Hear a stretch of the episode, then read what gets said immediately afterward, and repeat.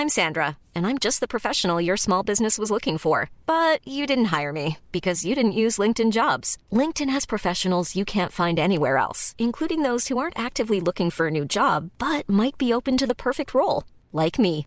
In a given month, over 70% of LinkedIn users don't visit other leading job sites. So if you're not looking on LinkedIn, you'll miss out on great candidates like Sandra. Start hiring professionals like a professional. Post your free job on linkedin.com/people today. Mother's Day is around the corner. Find the perfect gift for the mom in your life with a stunning piece of jewelry from Blue Nile. From timeless pearls to dazzling gemstones, Blue Nile has something she'll adore. Need it fast? Most items can ship overnight. Plus, enjoy guaranteed free shipping and returns. Don't miss our special Mother's Day deals. Save big on the season's most beautiful trends. For a limited time, get up to 50% off by going to BlueNile.com. That's BlueNile.com.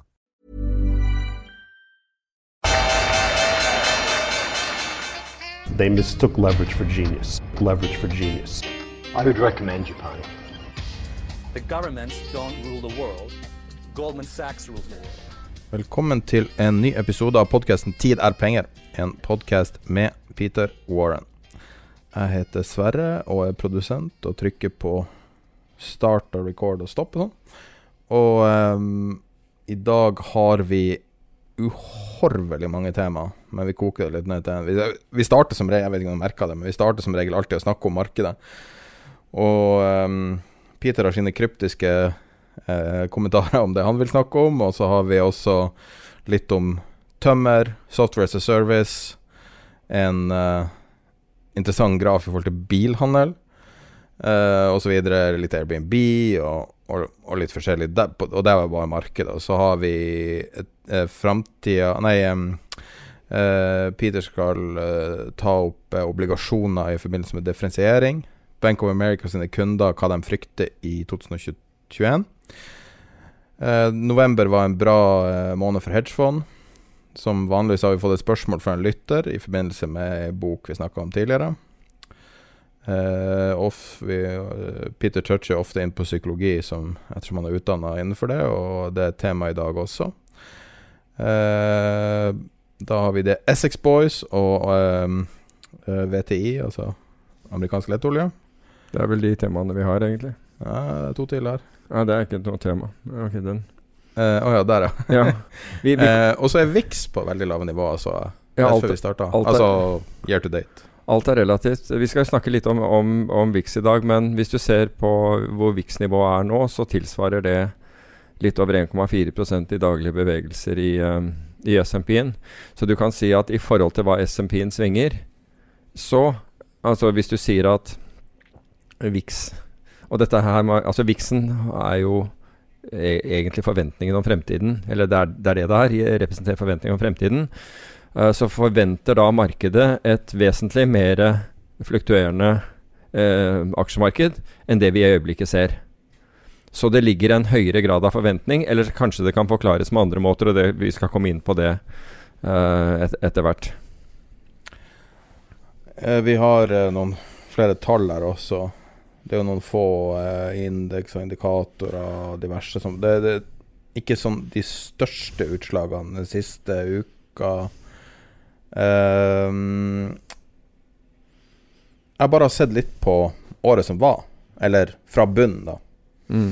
Eh, hvis du scroller ned på chart, så ser du de grafene som er litt lenger ned. Så SMP har vært ei pil opp fra uh, Covid-bunnen. Ja, Mm. i, i var det vel i mars.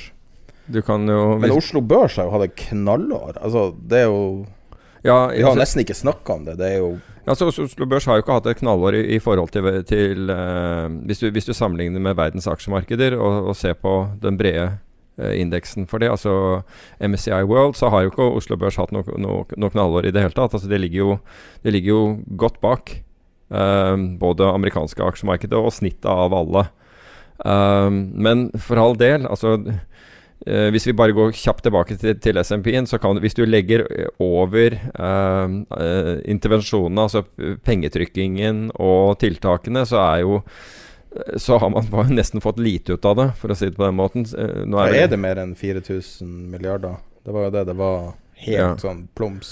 Jeg har ikke helt oversikten. Altså, du har jo du har, du har, På to måneder hadde du vel mer, eh, stimulitiltak enn en som noen gang har blitt Altså enn en alt som ble gjort alt som er blitt gjort hittil. Så du kan si det er ganske voldsomt hvor man har presset på med, med, med tiltak. Men det spiller egentlig ingen rolle uh, hva det er. Men det er jo morsomt at hvis vi ser i et lengre perspektiv, ser det over 20 år, så er SMP er opp over 20 år, så er, har det steget 324 uh, Total return på SMP-en. Ok?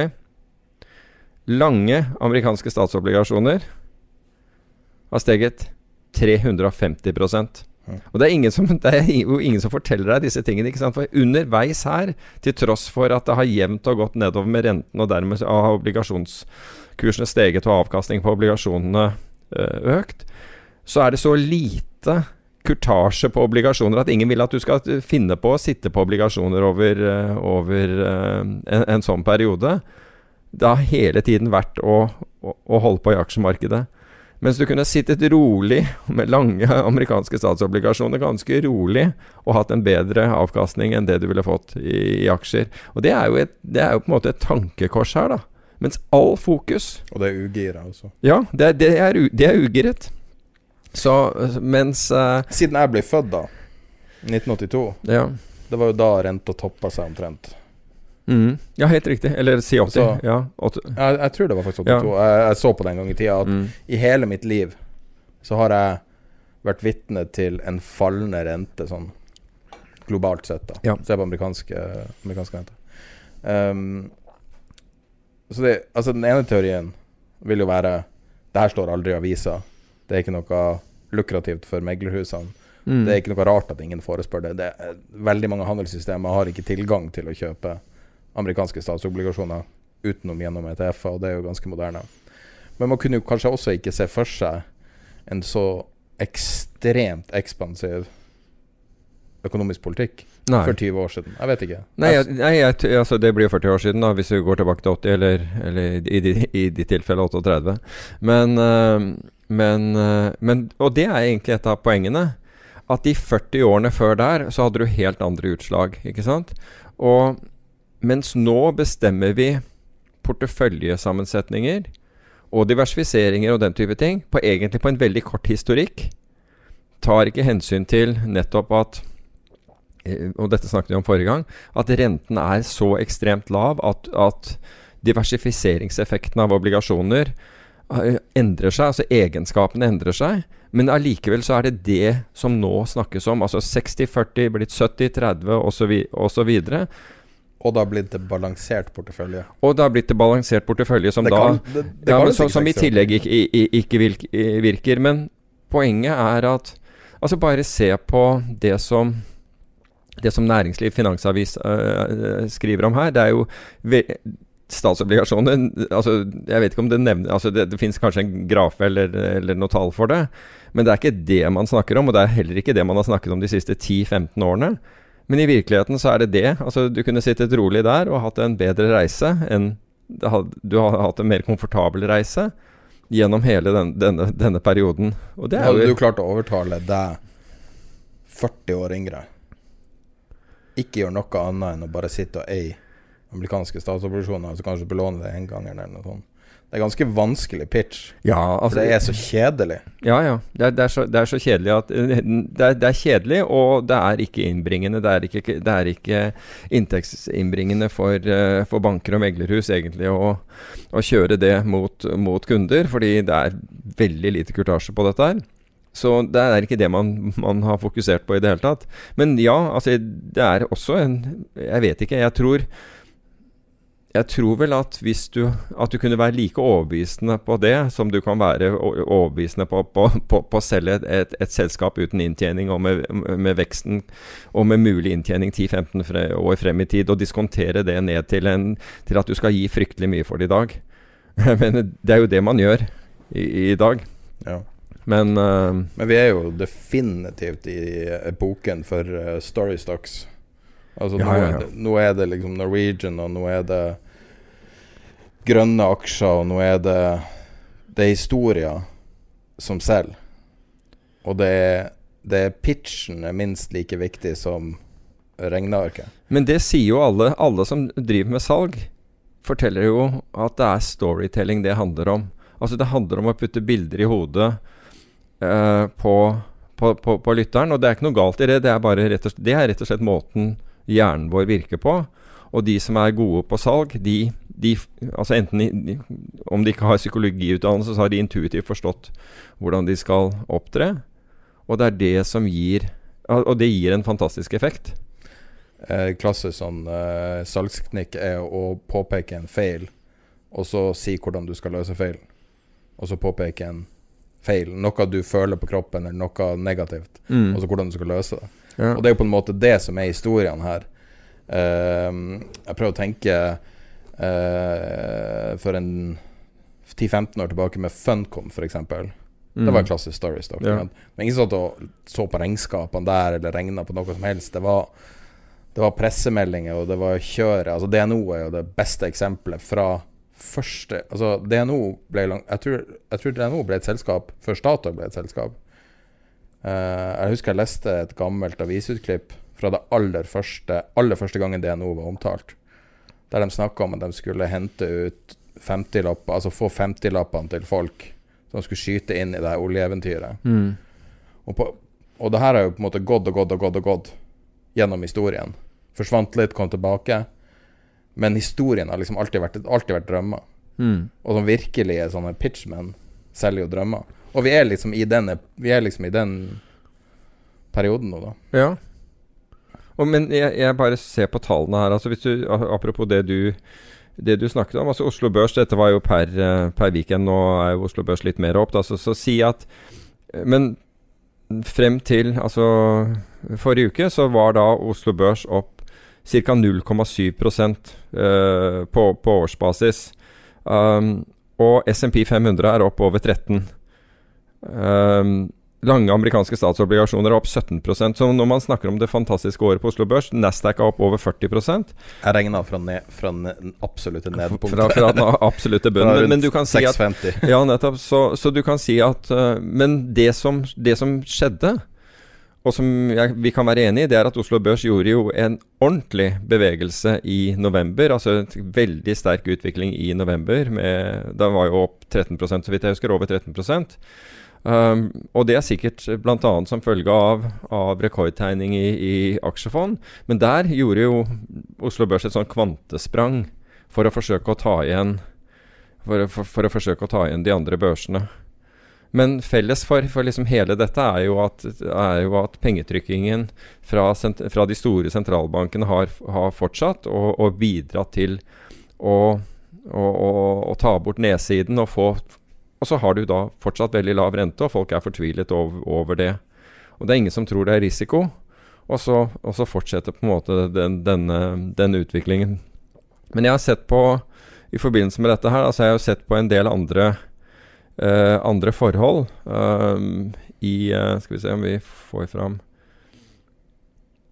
Og det er og, og en ting som, er, som jeg syns er veldig interessant, det er jo at, det er jo at SMP-en Altså, den er nå oppe Altså, den startet året med en, en pris kontra inntjening på 20,6. Altså, du betalte 20,6 ganger årlig inntjening i snitt for selskapene. Uh, mens du nå Og hva har skjedd siden? Jo, inntjeningen har gått ned. Det har skjedd én stor ting. ja, det, det, det, har skjedd mange, ja, det har skjedd mange ting. Altså, inntjeningen har gått ned nesten, tre, nesten 3% Så det er ikke verre enn det, men inntjeningen har gått ned nesten 3, 3 Mens prisen vi, betal, vi er villige til å betale, har gått opp til over 30 30 ganger inntjening. Så du har gått fra altså Folk snakket jo om ved, ved, slutten av fjoråret at 20 var høyt, det var godt over gjennomsnittet. Og nå er vi på 30, til tross for at inntjeningen har falt. Så det er litt sånn absurd, uh, det, det, det, som skjer, syns jeg. Og hvis du Men alle har jo store vyer for, for uh, 2021. Og da skal inntjening komme tilbake igjen for, for, uh, for de nå kommer vaksinen. Det var litt morsomt for øvrig. Eller morsomt og morsomt. Eh, og jeg håper at jeg husker, jo husker riktig. For det selskapet som står fremst for å redde verden, eh, altså med, med vaksinen AstraZeneca, Du kunne se for deg at liksom Hvor mange 100% er det opp av? Uh, nei. De er faktisk ned 6% i år, de. jeg mener, det, er, det, er, det, forteller jo litt om absurditet her, da. Men i hvert fall hvis, Kanskje folk som kjøper dyr medisin de er døde av korona? Ja, er, uh, Men hvis vi tror da Altså hvis vi tror, uh, altså hvis vi tror på analytikerestimatene om at det skal bli vesentlig bedre inntjening det, det, er helt voldsomt hvor mye selskapene skal tjene i 2021. Fordi da, kommer, da skal liksom økonomien komme i gang. Uh, det virker som om altså, Så fort du får et stikk i armen, så, så har du en høyere inntjening. Men i hvert fall hvis vi tar det eh, hvis, vi, hvis, vi, legger oss på det, da, at, an, at, analytikerne har rett, så vil SMP ved slutten av, av neste år allikevel handle på Altså da handler allikevel SMP på 22 ganger eh, Altså 22 ganger forventet inntjening. Mm. Um, altså årlig inntjening. Så Ja, altså det, det er egentlig ganske interessant. Uh, og se og for øvrig, og for øvrig Markedet har ikke hatt en høyere, altså bortsett fra i år, så har ikke markedet hatt en høyere, altså hvis det er 22 ganger, siden toppen i 2001. Ja. Det er så mange stats som sier Ja, det er mange stats. 2008, eh, 2001, 1987 Begynner å se Asia klatre opp fra Nei, Japan klatre opp fra avgrunnen. Men én ting som er nyttig denne gangen, da, ja. som aldri har skjedd før, det er at Kina og Japan, men spesielt Kina, driver og gjør sånne inspirerende ting. Så Kina sender en miniubåt ned i Marianergropa. Mm, utenfor Filippinene. Og Kina sender eh, en eller annen greie til månen som har satt et kinesisk flagg på månen, med noen dagers mellomrom. Okay. Altså, de, de, gjør de store tingene som USA alltid gjorde. Ja. Plutselig så er det Kina som bare gjør masse litt mer sånn soft power-ting, da. Jeg syns at det er eh, ja. Altså og Japan, jeg husker ikke altså Økonomisk interessant så syns jeg faktisk det er, eller finansielt interessant, det er at uh, kineserne åpner obligasjonsmarkedet sitt okay. uh, for, for, utlendinger. Og du kan si at hittil så, altså, så har det Én ting er å investere i den kinesiske valutaen osv., men nå, nå, du, nå, kan du faktisk gjøre det ved å altså, kjøpe unnskyld, kinesiske statsobligasjoner. Notert kår. Altså, de er jo, det er jo sentralbanken som Eller det, det er jo et internasjonalt marked for, for disse. Men, uh, men, poenget er at du kan få en høyere avkastning nå enn amerikansk stat f.eks. Og det er jo en viss, det er en viss sånn altså, Du hører jo hvor gærne amerikanerne blir hvis, uh, uh, hvis det er særlige bevegelser i den kinesiske valutaen. Så de har ikke noe mot at den styrker seg, men, de, men hvis den svekker seg, så er det jo, er det jo trusler om handelskrig tvert. Så, uh, så, du kan si at uh, hvis du tar de signalene, da, at, at kineserne ikke vil få anledning, eller det vil bli vanskelig for kineserne å svekke valutaen sin med Hvis du kjøper disse statsobligasjonene, så vil jo en av de tingene du vil være redd for, er at, de, er at valuta, altså valutarisikoen. Så hvis du sier at den valutarisikoen er dempet, Eh, ved at, eh, at, at, det blir internasjonal bråk dersom man og, altså handelskrig, mulige tariffer og den type ting, ytterligere av det. Så du, du har en mindre eh, fallrisiko. Så kan faktisk det være et interessant sted for altså Nå tenker jeg store pensjonskasser og andre å, å plassere penger. Og da Hvordan type gilde? Ja, det gilder litt over amerikansk stat. Så de gir, det, altså de gir det bedre enn amerikansk stat, og amerikansk stat gir, gir det jo bedre enn europeisk. Og alle er jo ute etter avkastning. Men, uh, men det, det, kan gjøre den kine... politisk risiko, er det ikke det? Jo, men er, altså, er det det? Jeg er ikke, jeg er det er derfor jeg spør hvor, liksom, jeg ikke hvordan, sikker, ja. hvordan gjøres det rent teknisk? Fordi ja. Jeg tenker på når du ser i mars eller i februar-mars, der det ble ulovlig å shorte kinesiske aksjer. Mm. Altså, det, det, er bare ikke lov Nei, det var ikke lov å selge eh, en viss mengde. Ja. Altså det her er markeder som er kontrollert til helt ekstreme. Ja, ja. Men det var jo veldig bra for de som satt i det der markedet, spesielt utlendinger. Det var jo veldig bra. Ja. Det har jo utviklet seg Det er jo ster det er sterkere det enn det, det amerikanske markedet. Ja, men altså, uh, altså men, selvfølgelig er alt manipulert på et eller annet nivå, men Men det, det, det, interessante er når du Ja, ja, men alt er manipulert. Det kan vi være enige om. Alt er manipulert på et eller annet nivå. ikke sant? Enten gjennom QE eller gjennom disse tiltakene som du snakker om, at du får ikke lov å shorte dem. Men når du snakker om Japan, så er jo alle Nå hyller jo alle, alle Japan, som da fortsatt har noen og 20 prosent til før det, før det tar igjen all time high som ble satt i begynnelsen av 1990. Så, så du kan si at Og jeg skal love deg, idet det skjer, da kommer alle til å fly rundt og si Se, det er, det er helt ufarlig å kjøpe aksjer. Ikke sant? Men altså, du må jo da ha hatt 30 års horisont for å få null i avkastning når, når, når det endelig skjer. Bare så det er sagt. For vi hører jo og, og egentlig så reagerte jeg jo på Det var en eller annen som på Facebook-gruppen sa at hvis han skulle kjøpe Altså han var interessert i å spare i aksjer eller, eller, eller hva som helst, og da er det noen som svarer ja, hvis du har fem års tidshorisont, så er det aldri noe problem. Nei, vet du hva. Det er det faktisk. Også i Norge det, har, har det vært det. fordi etter finanskrisen Det tok oss tid for å tok oss, så vidt jeg husker, mer enn fem år å komme opp igjen til, til, eh, til de nivåene. Men hvis du Men Kristiania øker ikke. Ja, f.eks. Men hvis du, ja, hvis du går langt nok tilbake Men du trenger ikke å gå lenger tilbake. Eller tilbake. Du kan bare se på Japan, som da har slitt i 30 år med å, få, med å komme tilbake igjen til der, der de var. Så det er ikke så, så enkelt. Du nevnte dette med, med volatilitet, og hvis vi kan være på det temaet, da, som vi snakker om markedet litt til, jeg skal innom det uh, flere ganger i dag, det er at i perioden, altså de ni årene fra 2010 unnskyld, eh, og til 2010 til 2019 eh, det blir faktisk, eh, det, blir faktisk mer enn det, det blir ti år. så hadde du 58 dager hvor SMP-en beveget seg 3% eller mer. Ok? Over, over, over, over de årene. Over de ti årene så var det 58 dager. I 2020 har du hatt 45 dager alene med mer enn 3% bevegelse. Jeg har en pinlig hobby. Apropos det. Og det går inn på Twitter, og så søker på ordet Trump, og så går på best eller topp, eller hva det er. Topp. Og så trykker ned sånn at du får helt nye. Da får du litt filtrert, men du får liksom helt det nyeste. Og det er virkelig helt utrolig. For hver gang du gjør det, så er det noe nytt stort som har skjedd. Hver eneste gang du. Wow, altså ja. nesten med minutter. Og det er litt den verden vi er i nå. Den... Så det overrasker meg ingenting at det er volatilt. Nei. Fordi at alt er volatilt. Nei, men, men poenget mitt er, er at, at det forteller jo litt grann om den vol volatiliteten man har hatt. da.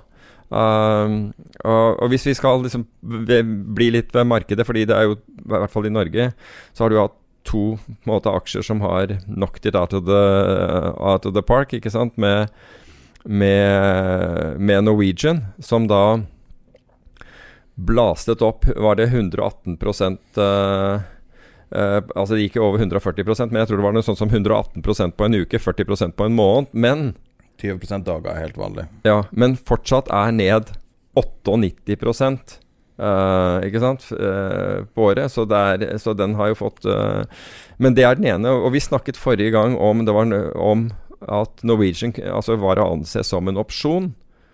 Og det er jo akkurat det. Altså, den svinger jo som en out of the money, hvilket den også er. Hvis du tenker at at gjelden gjør at denne aksjen egentlig egentlig ikke har noe verdi, da, så, så kan du sammenligne med en out of the money, altså en out of the money kjøpsopsjon. Altså en opsjon med en innløsningskurs over dagens aksjekurs. Eh, Fordi, fordi det må jo noe til sant, for at, eh, for at den opsjonen skal bli no, noe verdt. Men en sånn opsjon svinger jo voldsomt mye mer enn enn f.eks. En, en, en annen, en annen altså in the money eller at the money-opsjon. Og det er jo sånn den svinger. altså Jeg tror det var 141 Jeg la et chart ut på, på Facebook-gruppen. Jeg tror det var 141% hvor den steg på, på to dager. Altså det er helt voldsomt. Um, men så har du den andre, uh, som da en lytter spurte om, og det var, um, og det var Borr. Som da, som da steg 53% og det altså i, um, i um, på, på, på en måned. Men den er faktisk noe mer logisk. Og hvorfor er den mer logisk? Jo, fordi den, under, altså den eh, Oil Service-indeksen, den ETF-en i USA, som da har alle disse oil service-selskapene, den steg faktisk tilsvarende i, i den perioden. Eneste forskjellen er, er at Borr er ned 86 i, i år, eller var den da per, per, per fredag, mens denne oljeserviceindeksen er ned 25 Og forskjellen der er jo selvfølgelig gjelden som, som Borr har. Men det er én ting til med Borr, og det var at New York Stock Exchange skulle jo stryke Borr fordi med mindre Borr-kursen eh, kom over en dollar, fordi eh, du må være du må ha en pris på over en dollar for å være listet der innen desember. Det har de lykkes med. For nå er den ti kroner. Mm. Og over det, så Så der har det faktisk Krona er sterk også. Altså relativt altså mot, Ja. mot dollar. Ja, ja, den, er Eller om, om dollaren er svak eller ikke. Ja, Vet du hva? Jeg hadde en samtale med John Hempton i dag, faktisk. ok. Investoren. Seriøst. Ja, Randomly. ja. Uh, og da lufta jeg ideen og spurte han om uh, noe jeg hadde skrevet inn i regnearket, uh, som var om short dollaren kan være sånn tiårstrade. Mm. Altså om det her er virkelig slutten, som man har snakka om sikkert siden 70-tallet. Slutten på petrodollar og slutt på ditt og datt. Men troverdigheten til det amerikanske systemet må jo være på en usedvanlig lavt nivå i forhold til et eller annet med en historisk snitt. Alt står og vakler. Mm. Og folk uh, sitter nå og forventer martial law og alt mulig slags sjuke ting som kan komme. Helt uforutsigbart. Og hvis man innfører sånne tiltak, så må jo en default være teoretisk mulig. Men hvordan skal du default når du, når, du, når du bare kan trykke din egen gjeld? Altså, du kan bare trykke dine egne statsobligasjoner. Det bare føles som alt er mulig. Det og, og dine egne penger, ikke sant? Altså, jeg, jeg, jeg ser ikke altså, Du kan si du har jo sett bevegelse bl.a. i amerikanske credit default swaps til tider. Det er beskyttelse mot Han mente forresten at det ikke var en god idé. Ja, mot, mot konkurs. Um, og, og, så, og der ser du det av og til. Men, men jeg forstår ikke hvordan Altså så lenge jeg, USA er i den unike eh, situasjonen er at gjelden deres er i dollar, og de sitter på kopimaskinen. Altså eh, seddelpressen. Slik at Norge, som da har lånt USA veldig mye penger, altså gjennom f.eks. oljefondet som da kjøper amerikanske statsobligasjoner, det er det samme som å låne dem penger. Um, så ville, eh, hvis oljefondet forlanger pengene sine tilbake igjen, ok, da, da putter vi inn eh, en ny bunke eh, blanke ark i, i, i kopimaskinen, og så trykker vi så trykker vi print. Ja, men det er jo det som er hele poenget med å, Men med å gå mot dollaren, altså. Ja, men Det her er jo strategien Det her er jo strategien til Altså det er, Jo, tap, men... det er jo tapende strategi. Det er jo en negativ spiral å trykke ja, seg ut av ethvert problem. Ja, men er, de er jo ikke alene om det. Problemet er at veldig mange i verden gjør det, gjør det kollektivt. Og vi har jo liksom ramset opp disse her som Storbritannia, Sveits, til og med Sverige, øh, EU, øh, Kina, Australia. Altså alle gjør det. Japan, ikke minst. Alle, alle driver med denne, bortsett fra Norges, Norges Bank og noen få andre. Men, men de er ikke vesentlige. Og så er det det at betalinger går i dollar. Så jeg Altså hvis, det, altså hvis uroen er, er domestic i USA, så, så tror jeg ikke at folk stuper inn i, inn i, inn i dollar. Men hvis du, får en, hvis du har internasjonal uro, så tror jeg fortsatt at dollar er ansett som en safe haven, for alle betalinger går gjennom dollar, egentlig.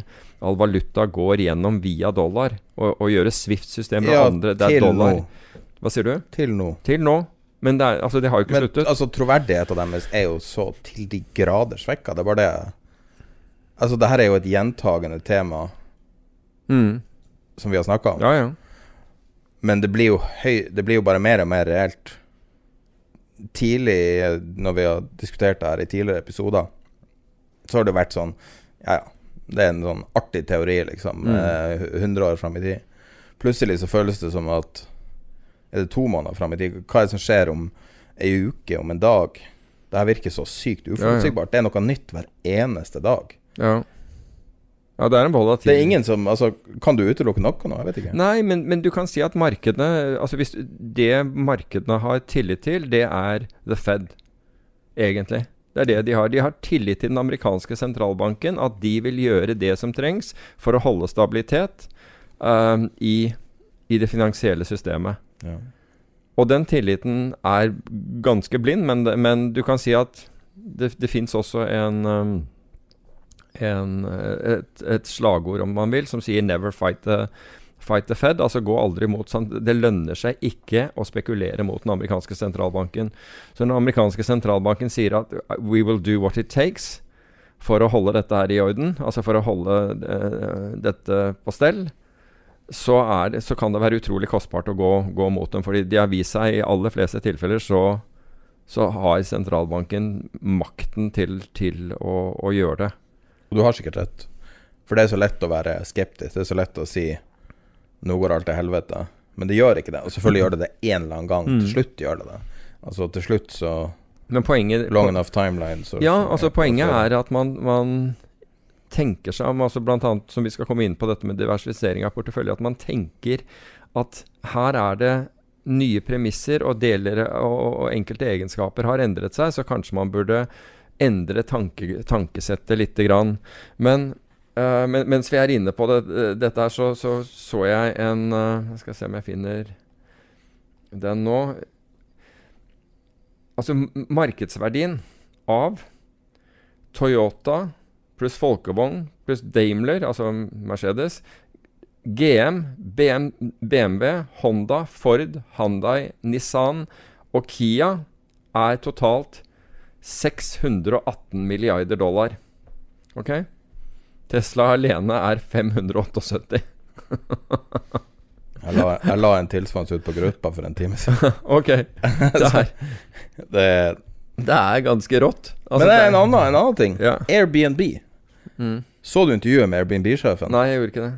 Jeg la det ut på Facebook-gruppa der han Det, en, det finnes ikke et godt norsk ord å si. Han blir speechless når han får høre hva aksjen hans handler på. Så de eh, IPO-a Jeg lurer på om det var fredagen eh, forrige uke, i hvert fall.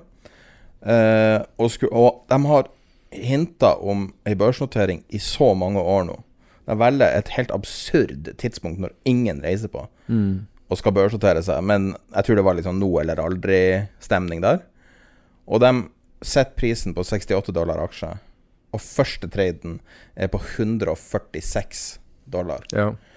Og sist gang vi har sett en sånn snap opp der et selskap lar milliarder ligge på bordet For de har jo solgt aksjer, ja, ja. så pengene er jo kommet inn, og allerede så, så ser de da eh, milliarder av dollar som de har latt ligge på bordet med å underprise tilsynelatende selskapet. Sin egen, ja, sin, sin egen, sitt eget selskap, ja. Og, og så De henta inn eh, 3,5 milliard dollar, som mm. Altså, det er jo i, i børsnoteringa, børsnotering Altså, det er jo relativt beskjeden i forhold til deres mm. totale markedsverdi, men eh, det her er helt absurde tall. Og, og, det som er så spesielt, er at du ser CEO-en der som personlig har blitt dobbelt så rik sånn, mm. på, et, på, et, knips. Én en eneste trade, og han er dobbelt så rik, og han er sikkert titalls milliarder allerede. Mm. Og han smiler egentlig ikke. Og ingen smiler. Fordi at det her føles så utrolig feil. Ja. Det er ingen som Altså, folk jubler jo når de blir rikere, men jeg tror det, jeg, det er ikke den samme Det føles som at liksom Any day now så er det noe som kan skje. Ja. Og så er svaret alltid Fed. Så, så er svaret alltid, alltid Fed. Du, du har rett. Um, Spør det var et besyndig Det intervjuet kan ses i Facebook-gruppa. Det var vel én Var ikke én ting til jeg ville Jo.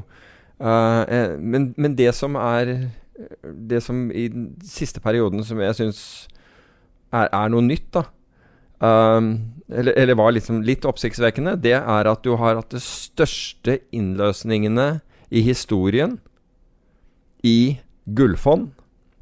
Alle snakker om å kjøpe gull og, og edelmetaller. Og ja. Er du nordmann, så av en eller annen grunn så vil du heller ha sølv. Um, Seriøst? Ja, for alle nordmenn jeg, jeg, vet ikke hva det er, men det er hele tiden det er sølv. Um, og, og, sånn har det vært siden, siden sølv traff 50 dollar. Mm. Det er sølv du skal ha. Ikke, altså de, går gull, så er det sølv du skal ha hele tiden. Okay. Uh, jeg vet ikke hvorfor det er her i, her i landet, men, uh, men, i hvert fall Det er rekord uh, innløsninger i gullfond. Og samtidig var det rekordtegninger i fond som har kryptovalutaer. Rekord. Mm. Så når, når Mike Novogratz har, kaller det 'digital gold', så kan du jo begynne å lure om om det er flere nå som Og det, ser du jo også, det har vært en del artikler i senere eh, tid hvor flere sier at de kjøper kryptovaluta pga. Utvanning, utvanning, at de er redd for utvanningseffekten av eh, altså fallende valutakurser, bl.a. dollar.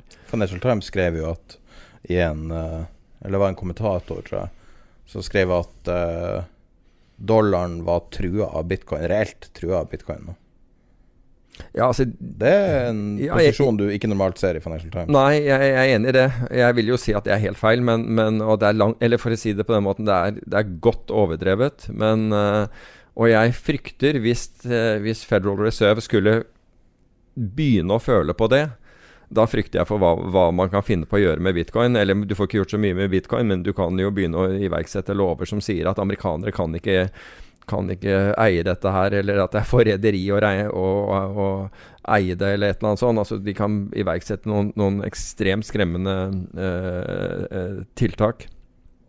Så Det er liksom en grense. Man kan dra fram så mye rare grafer for uh, nåtida. Uh, hvis du ser på, på, på linje hva det blir. Linje 5 uh, Nei, eh, 16. 16C, hvis du klikker på den linken. Så ser du grafen over eh, en eh, IPO-indeks som heter Renaissance IPO-indeks.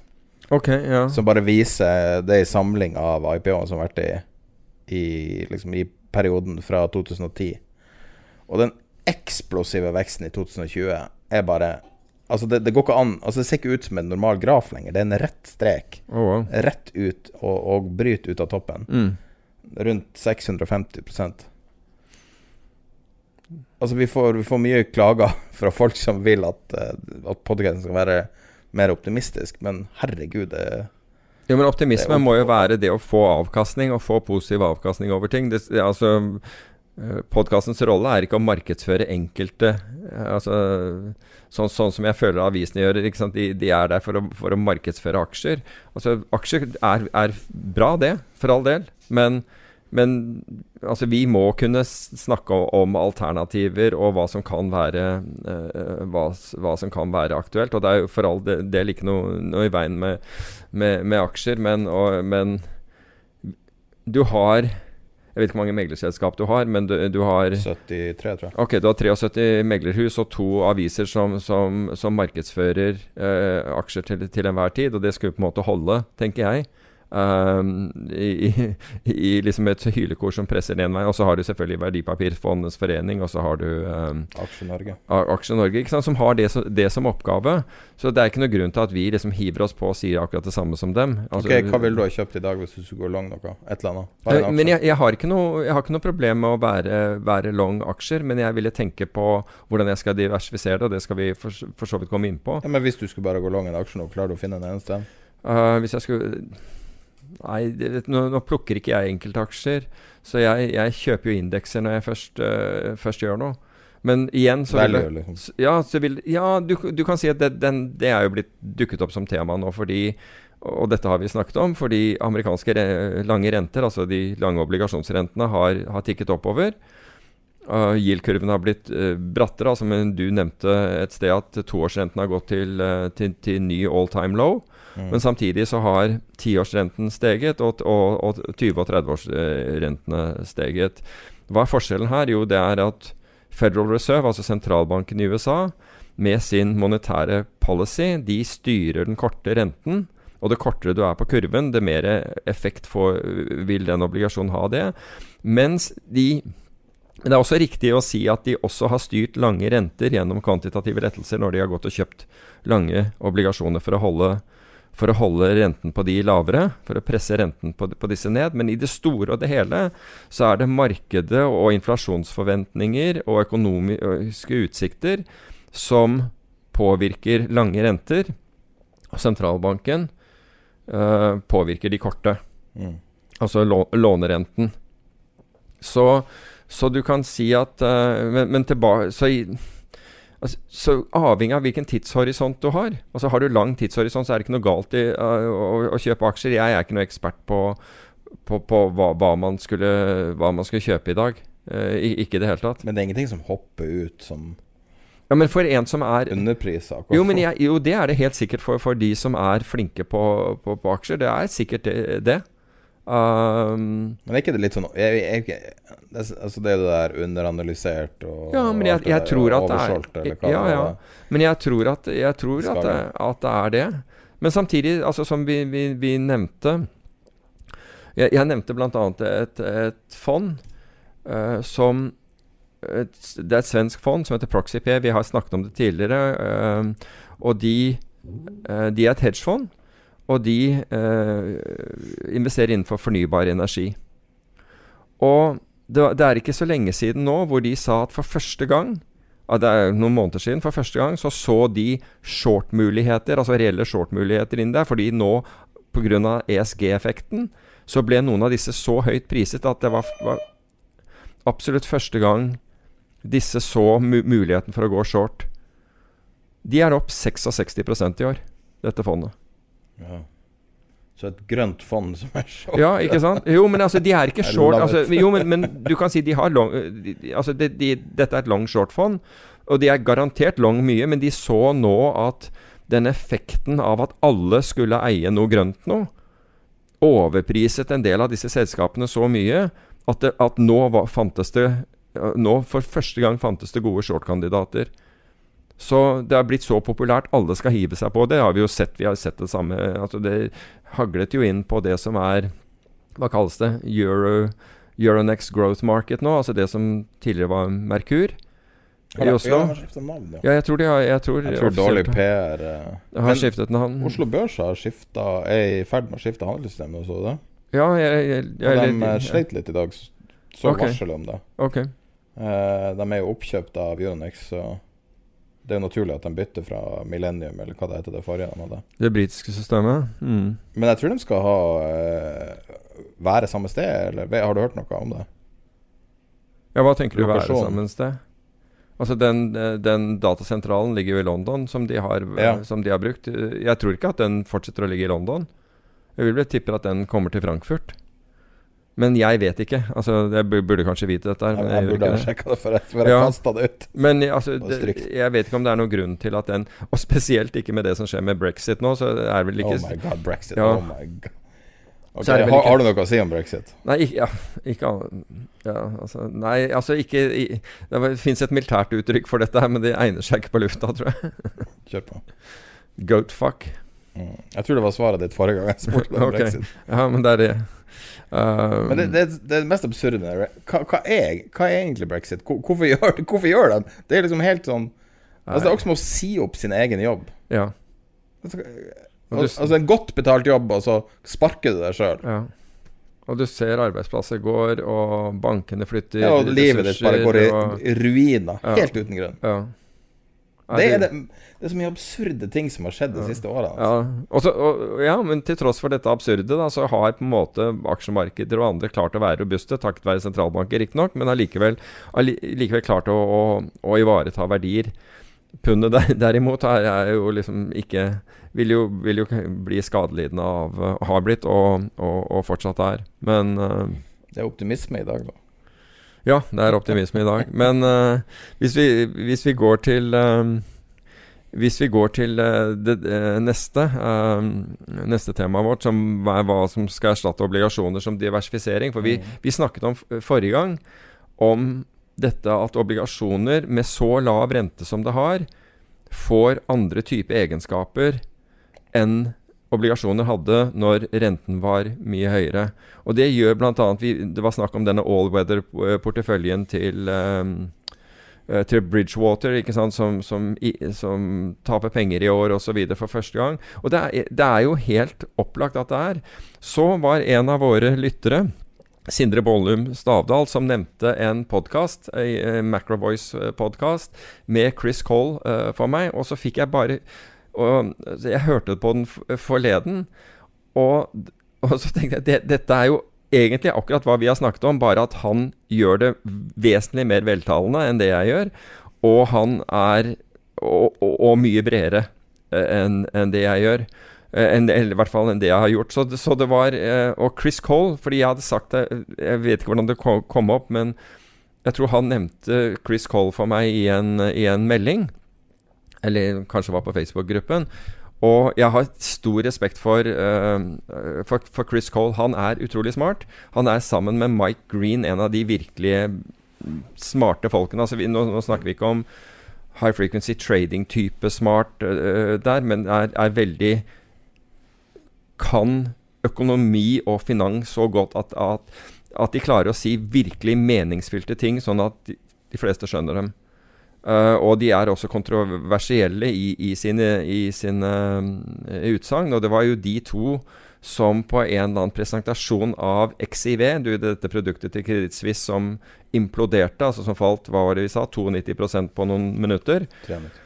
93 på, på, noen minutter, hadde advart om dette på forhånd og sa at det, det, er det som kommer til å skje. Det er bare tidsspørsmål før dette skjer. vet du hvordan jeg visste det? De leste prospektet. ja, jeg vet det. De, ja, de, de, leste, ja, de leste prospektet og forsto prospektet. Og, og, og, konfront, og, konfronterte Kreditt Suisse med, med, denne, eh, med denne utviklingen. Så, og, og Suisse sa nei, det kommer aldri til å skje. De hadde fullstendig misforstått. Og noen, Jeg husker ikke, det var, det var, i hvert fall innen et år etter, eller et halvt år etterpå, så smeller det 93% etter at børsen er stengt, og på noen minutter. Det var liksom en helt utrolig eh, sak. Men i hvert fall uh, uh, Og han, i hvert fall Chris Cole, er også inne på, på det i den podkasten, bl.a. dette som vi, vi, snakket om, at obligasjoner får andre egenskaper. Men jeg har sett mer på det, og da viser det seg at Ibbotson, som er, ble startet av Roger Ibbotson Dette, dette er et veldig kjent analyseselskap, et amerikansk analyseselskap, som ble, ble, stiftet i 97. Og så gikk Morningstar inn og kjøpte deler av det i 2005, og så kjøpte de ut resten i 2015. Og Kan jeg bare få lov å stave det? Ja. IBOTTSON. Ja. For dem som er og du kan si at jeg, i finans så har jeg nesten alltid, og spesielt når det gjelder utlendinger Men jeg, vi brukte bl.a. Ibbotsen i, i Finansbanken. Um, det var, ble ikke introdusert av meg. Det var, um, det var to, to, jenter som jobbet, jobbet der, som, som, hadde jobbet med, med Ibbotsen-system, eller Ibbotsen-analyse eh, tidligere. Og som bl.a. går på dette med, med hva, hvordan kan man diversifisere. Og Ibbotson har jo da jeg vet ikke hvor nylig den er, men den er relativt nylig, sett på egenskapene til, eh, til nettopp obligasjon... Altså nå er jo porteføljer 50-50, 60-40 og 70-30 som oljefondet er. ikke sant? 70% aksjer, 30% obligasjoner. Og det de sier er at Og det Ibbotson viser, det er at ved kursfall eh, på opptil 5% altså aksjekursfall på opptil 5 så gir ob ob obligasjoner Eller så har obligasjoner gitt god diversifisering. Men hvis kursfallet er over 5% så skjer det noe helt spesielt med obligasjoner. For da mister du da den konveksiteten, altså den som gjør at ob obligasjoner virker Altså frem til 5% så virker obligasjoner mer og mer, altså bedre og bedre for deg. Altså hvis kursene, aksjekursene begynner å falle. Men faller de mer enn 5% så avtar den effekten på, uh, som obligasjoner gir deg. Og ved den studien Jeg kan sette Altså jeg har flere av grafene her, og vi kan sette disse på, på, på Facebook-gruppen. Men ved et kursfall på Hvis aksjer faller 10% så kan du forvente å få 1,9% avkastning fra, uh, fra lange uh, statsobligasjoner. Så du kan si at mens du tidligere fikk mer, så, så nå er vi kommet til et, en, en, et, en, periode hvor vi har 70% altså vi har gått fra 50 til 70% i aksjer, altså for balanserte porteføljer. Og de 30% vil nå gi mye mindre, altså hvis du får et 10% kursfall enn tidligere altså Ser du ironien i dette her? Altså du har ja, nei, kan, jeg bare få klarhet i det, for det er mye tall som du sier som jeg ja. ikke ser for meg. Sier du at 70% aksjer tilsvarer det som 50% aksjer var før, som komponent? Nei, jeg, jeg sier at, at, du kan si at hvis du hadde Er den balansert? 70-30? Nei, det er overhodet ikke balansert. Nei, for altså, det virker jo intuitivt Nei, altså Poenget mitt er at den er mye mindre balansert enn man trodde. Enn man tror. Fordi denne Altså hvis ja, du fordi får at det betaler dårligere. De 30 betaler dårligere, som hedge, liksom. De betaler i utgangspunktet dårligere, og vil og egenskapen De vil opptre annerledes. Mm, Altså, nå snakker de, når du snakker om de 30, så bare for å være klar, så snakker vi om obligasjonsandelen. Så obligasjonsandelen i mange porteføljer har egentlig gått fra Altså Det er veldig mange porteføljer som var 40% aksjer, 60% obligasjoner. Så nå har vi gått da til porteføljer som Fordi det er mange som følger oljefondet og syns at, at det er en kjempeidé. Glemmer at oljefondet har veldig lang tidshorisont. Ja. Uh, ja, ja, har de det? Ja, de har så lang tid til å Helt til det smeller, så er det De har så lang tid til å ha horisont som vi har politikere, tenker jeg. Uh, men, uh, så, så det er jo på en måte, måte ulempen her. Men greiene er at vi har da gått fra en periode for, hvor liksom obligasjoner utgjorde 60% av porteføljer, til at obligasjoner nå utgjør halvparten. Men effekten samtidig av obligasjoner, altså det å eie obligasjoner, har gått vesentlig ned. Delvis, som du sier, fordi obligasjoner gir, gir en lavere uh, avkastning, altså som følge av rentefallet. Men også fordi egenskapene til obligasjonene endrer seg når du får så lav rente. Altså når du nærmer deg nullen. ja, når du, når, du, når du nærmer deg nullen. Det er interessant, da. Nesten litt sånn Nesten litt sånn metafysikk, på en måte. Ak akkurat som du nærmer deg sånn eh, event horizon Ja. i en At det begynner å bøye lyset litt. Ja, og greiene ja, ja, egentlig. Fordi det har jo også med konveksitet å gjøre. Um, så Og dette er ikke noe som egentlig blir snakket om. Altså i, i finans så Vi bruker de siste 40 årene som, som vi begynte å snakke om her, hvor rentene har falt, og så ser vi ikke at tidligere perioder har gitt fullstendig andre resultater. Og til tross for at neste periode rent matematisk ikke kan gi Altså hvor obligasjonene ikke kan gi deg den effekten, så later vi, altså, så later vi som om den kan det. Og det rare var at jeg, jeg tror jeg brukte recency bias, altså det største eksempelet på recency bias jeg, jeg har sett. Fordi man bruker bare den korte historikken til å Til å si at det er det som kommer til å skje videre. Så nevner Chris Cole akkurat det samme. Eh, Fjær i hatten til meg, føler jeg det der, fordi jeg, jeg oppfatter han som eh, som ekstremt smart. Han bruker også det, det samme uttrykket, at dette her er kun recency bias.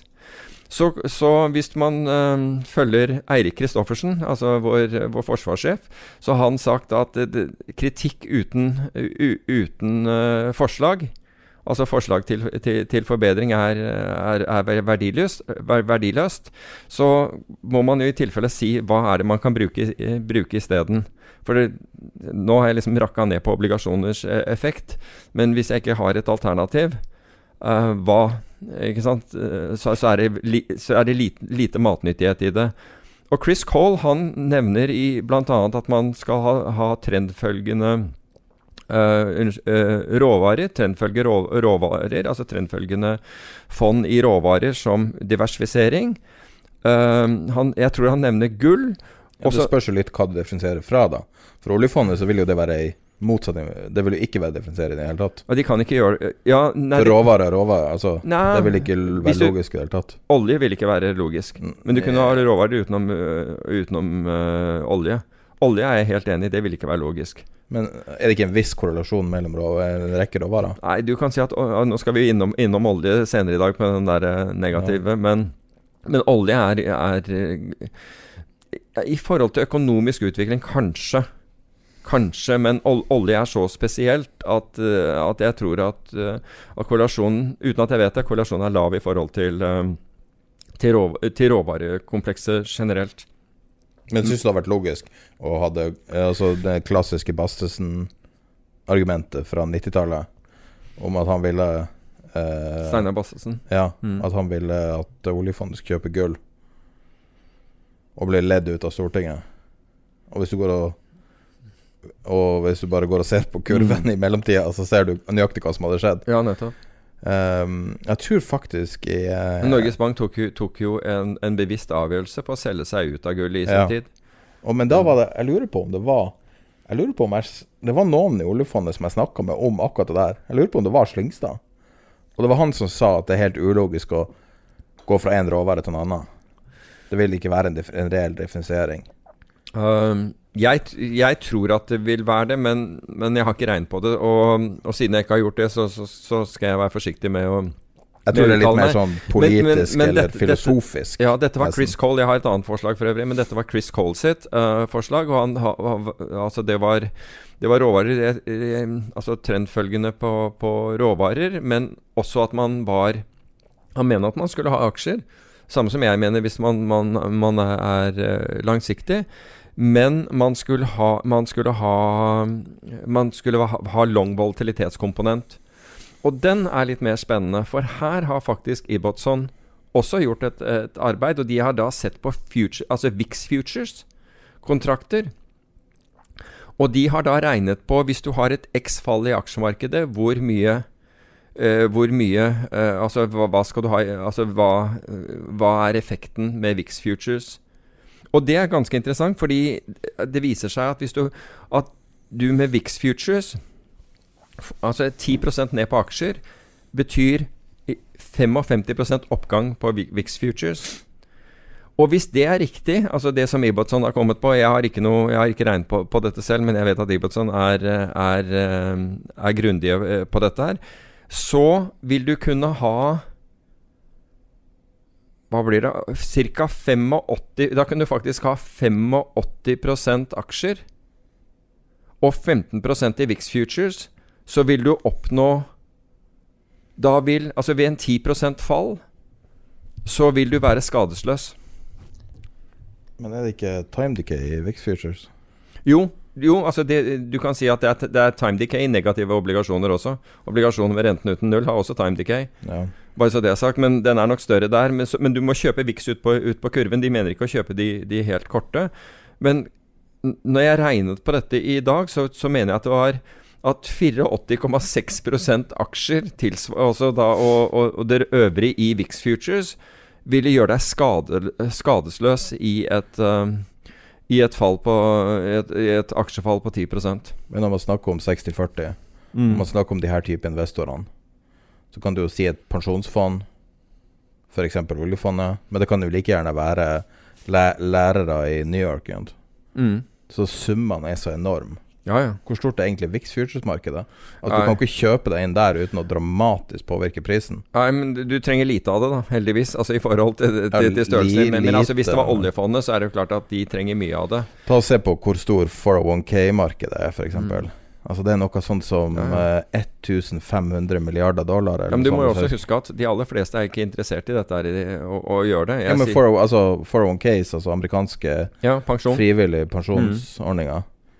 Ehm, og hvis du da tar en hvilken som helst av de store Av de store legatene i USA alt, alt, altså Det er jo virkelig der de virkelig store summene er. Det er der du trenger balanserte porteføljer. Ja. Pensjon. ja, ja, absolutt. Der du har eh, mandater om eh, x antall prosent i året, og masse ting som Mm. eh, ble inngått når eh, obligasjoner var eh, gilda 10% i året, og du ikke trengte å gjøre noe som helst for å tjene inn den. Men hvis du ser for deg at, at øh, vi befinner oss Altså her vi befinner oss nå, hvis med flere Altså Europa og, og flere andre regioner, eller land Altså Europa er ikke et land, men en region. øh, eller EU. Med negative renter så bør du Ikke sant? Du har allerede bleed, altså du har allerede cost of carry. Så hvis du er ute etter å få en portefølje som blir mer robust Altså hvis du, hvis du tar gammel Altså Ibbetson mener at Altså vi, at du vil på en 10 øh, kursfall i amerikanske aksjer, fordi de har regnet på, på amerikanske statsobligasjoner som gir en positiv rente, vil du da få en, vil da obligasjonsporteføljen din stige 1,9 Hvis den obligasjonsporteføljen din er er, er, bare, er 30% så, så det utgjør 0, altså det, det vil utgjøre altså på, av total 0, så vidt over en halv prosent. Det. Så, så du kan si at mens aksjeporteføljen din, som er 70% den faller med 10% så du mister 7 ikke sant? Da, da, da, da mister du eh, Altså på en 100 millioner portefølje, så mister du eh, dollar. Mister du 7 millioner dollar, så har obligasjonene gitt deg 0,6 Altså 600 000 dollar i hedge. Det sier seg selv at i forhold til 7 millioner er ikke det mye. Mm. Det sier, ikke sant? Er, den funker ikke. Og det er poenget er at Ibbotson viser klart at den, som vi har sagt at den, Bare at de har tallfestet dette, at det virker ikke. Det kommer ikke til å virke, så hvorfor driver du Ikke sant? Men, men det, Det bare føles litt som en sånn LTCM-utregning. Uh, og litt som XIV. For En av grunnene til at XIV kollapsa, var jo nettopp fordi at det ble så stort kjør på Jeg vet ikke om det var Det var Vix Futures det ble kjør på. Nei, måtte- de, de hadde ikke Vix Futures. Å, unnskyld, XIV, ja. Ja. XIV, sorry. Jeg trodde. Eh, når Den kvelden det kollapsa, så var det et veldig stort kjør. De måtte kjøpe så vanvittig mye eller selge så mye. Jeg husker ikke akkurat Mm. hvilken retning det var. Eh, og så var ikke markedet stort nok til å klare å absorbere det. Så sånne teorier er veldig fint på papiret, men jeg lurer på om en stor investor Altså om det i hele tatt er mulig. Ja, markedet er vesentlig større enn da. Vesentlig, vesentlig større enn enn på det tidspunktet. Ja, nei, bare, det bare stille et spørsmål. Så, Altså, ja. det er det som, problemet altså, problemet er å være stor. Ja, problemet til XIV var at de var for store. Men alle de her balanserte porteføljene Altså Private personer kan selvfølgelig gjøre det, Mm. og, og moderate investorer. Men når du er en stor institusjonell investor, så har du sånne problemstillinger som virker som, som, virker som sånn luksusproblemer. Men det må jo være helt grusomt. Jo, jeg tror det, men du kan si de kan jo ska skaffe seg long vold på andre måter. Altså, de trenger ikke Altså, Vixen er jo bare et, et produkt av Altså av eh, opsjonene som handles på amerikanske aksjer. Men tror du virkelig oljefondet Altså Når man snakker om de største, da. Oljefondet, Abu Dhabi og alle de Mm. virkelig, virkelig, virkelig store. Er de kapabel til å gjøre det her? Altså Er det både politisk og, og teknisk? Nei, altså, og, du kan si oljefondet har ikke det, dette i mandatet. Jeg føler at oljefondet er fanga i Ja, sin men De har ikke i mandatet, men ikke bare det. Pga. regulering Pga. regulering så er det jo ikke mange som har det lenger. Fordi du har jo blitt klemt ned til å kun eie aksjer og obligasjoner. De, Mm. de, ikke sant? de aller fleste har altså, enten altså, Ja, ren regulering eller eller ved at man har satt opp uh, kapitalkrav og den type ting til å kunne ha andre ting. Så de har veldig lite muligheter. Så vi så dette er, dette er willful blindness. Dette er, altså man er blitt, det fortere det går, det, det, det, det, mindre Det fortere det går, det dyrere det blir, det mindre har vi fått, fått, fått i alternativer. Og det er, jo, det, er jo et, er jo et faktum. Men si, sagt på en annen måte, da man, Det å se etter en long volatilitetskomponent De aller fleste er i short volatilitet fordi de, de Altså, hvis du ikke hadde Hvis du sier at statsobligasjoner har for ikke gir nok rente, altså hvis du er en pensjonskasse, da, så har du først liksom muligens gått ned på andelen av obligasjoner fordi de gir for lite avkastning. Men så kan du ikke ha 100% aksjer, det er iallfall helt sikkert. Så la oss si at du har gått gradvis ned på, på, på, på um, allokeringen til obligasjoner. Og som en konsekvens av det har du gått opp på aksjer. Og så ser du, ser du at ja, men jeg, jeg må fortsette å gå ned på obligasjoner, for jeg får ikke den avkastningen. Jeg, ikke, jeg kan ikke betale pensjonistene. Det tjener ikke nok. Ok, da kan jeg enten øke aksjeandelen ytterligere i håp Altså med andre ord øke risken. Eller jeg kan gå til en annen type obligasjoner enn statsobligasjoner. Jeg, jeg kan gå til investment grade-obligasjoner, altså selskapsobligasjoner i høyest kvalitet. Resultatet av det var jo at investment grade-obligasjoner også ble kjøpt av sentralbanker for å presse renten ned på de og gjøre de mindre attraktive. Og, så, og til slutt så ender du da med papirer som har så dårlig kredittrating at, at du egentlig har aksjer. Altså På dette nivået så er det jo bedre antageligvis å eie aksjer enn det er å eie high yield. Fordi du, altså du har rekordlav rente, f.eks. Det er ikke det at det er så veldig eh, aktuelt for de fleste pensjonskasser, men noen har high yield. Når du kommer ned i rekordlav rentemargin, altså den marginen over statsobligasjonsrenten, med andre du blir betalt mindre enn noen gang for risiko, for den risikoen som tas, så, så, og du vet at dette er ganske illikvid når ting går gærent, da kan du, da kan du i hvert fall gjøre et godt argument for at du bør eie aksjer isteden, for de kan du i hvert fall selge. Ja. Uh, when the shit hits the fan, og, og hvis den gjør det. Så um, Så poeng Ja. ja, nei. Nei, poenget, poenget Altså, Ibbotsen gir jo da et alternativ, Ja. altså gjennom lang vol volatilitet. Og så er det jo hvorvidt, hvorvidt myndigheter tillater at, eh, at Eller at du er i stand til å handle VIX Futures. Det er vel ikke alle som Nei. har tilgang direkte til det? Nei, det er ikke det. Men du kan si de aller fleste kan sikkert få tilgang til det hvis de ønsker. Men, det, men når det gjelder pensjonskasser og den type ting, så må det jo i tilfelle være innenfor mandatet at de kan gjøre det, ha long, Mm. ha lang volatilitet. Før jeg går videre til neste, som er hva eh, Bank of America-investorer frykter i 2021, hva det står øverst midt på skjermen din? I grønt Øverst i grønt midt på skjermen min. Det står ikke noe grønt midt på skjermen min. på regnearket? På, I grønt? Det står 'trying to reconnect', står det ikke? Nei, jeg ser ikke det. Sorry. Fordi at gu hele Jeg- jeg- Google jeg er nede. ikke. Ok, jeg ser ikke ja, Nei, jeg ser ikke det. I går ble et uh, I går ble et eh, ehm, amerikansk departement hacka. Og, og det ble offentlig publisert at de var det. Ja, jeg så det. Var, var det ikke Og i dag har Treasury, ja? Google en mega-outage. Ja. Og Kina hadde noe stjålet eh, i går også. hva, hva Wow. er, det var veldig mye på en gang. Og i tillegg så Og, og i tillegg så svikter hans system på Oslo Børs. Verst av alt. Ja, nå, nå, Jeg trodde du skulle begynne å klage på uh, Nå- nå asfalten begynner- på Frogner. Eller nå, be, nå begynner virkelig jula dette av vogna, er det du sier? Ja.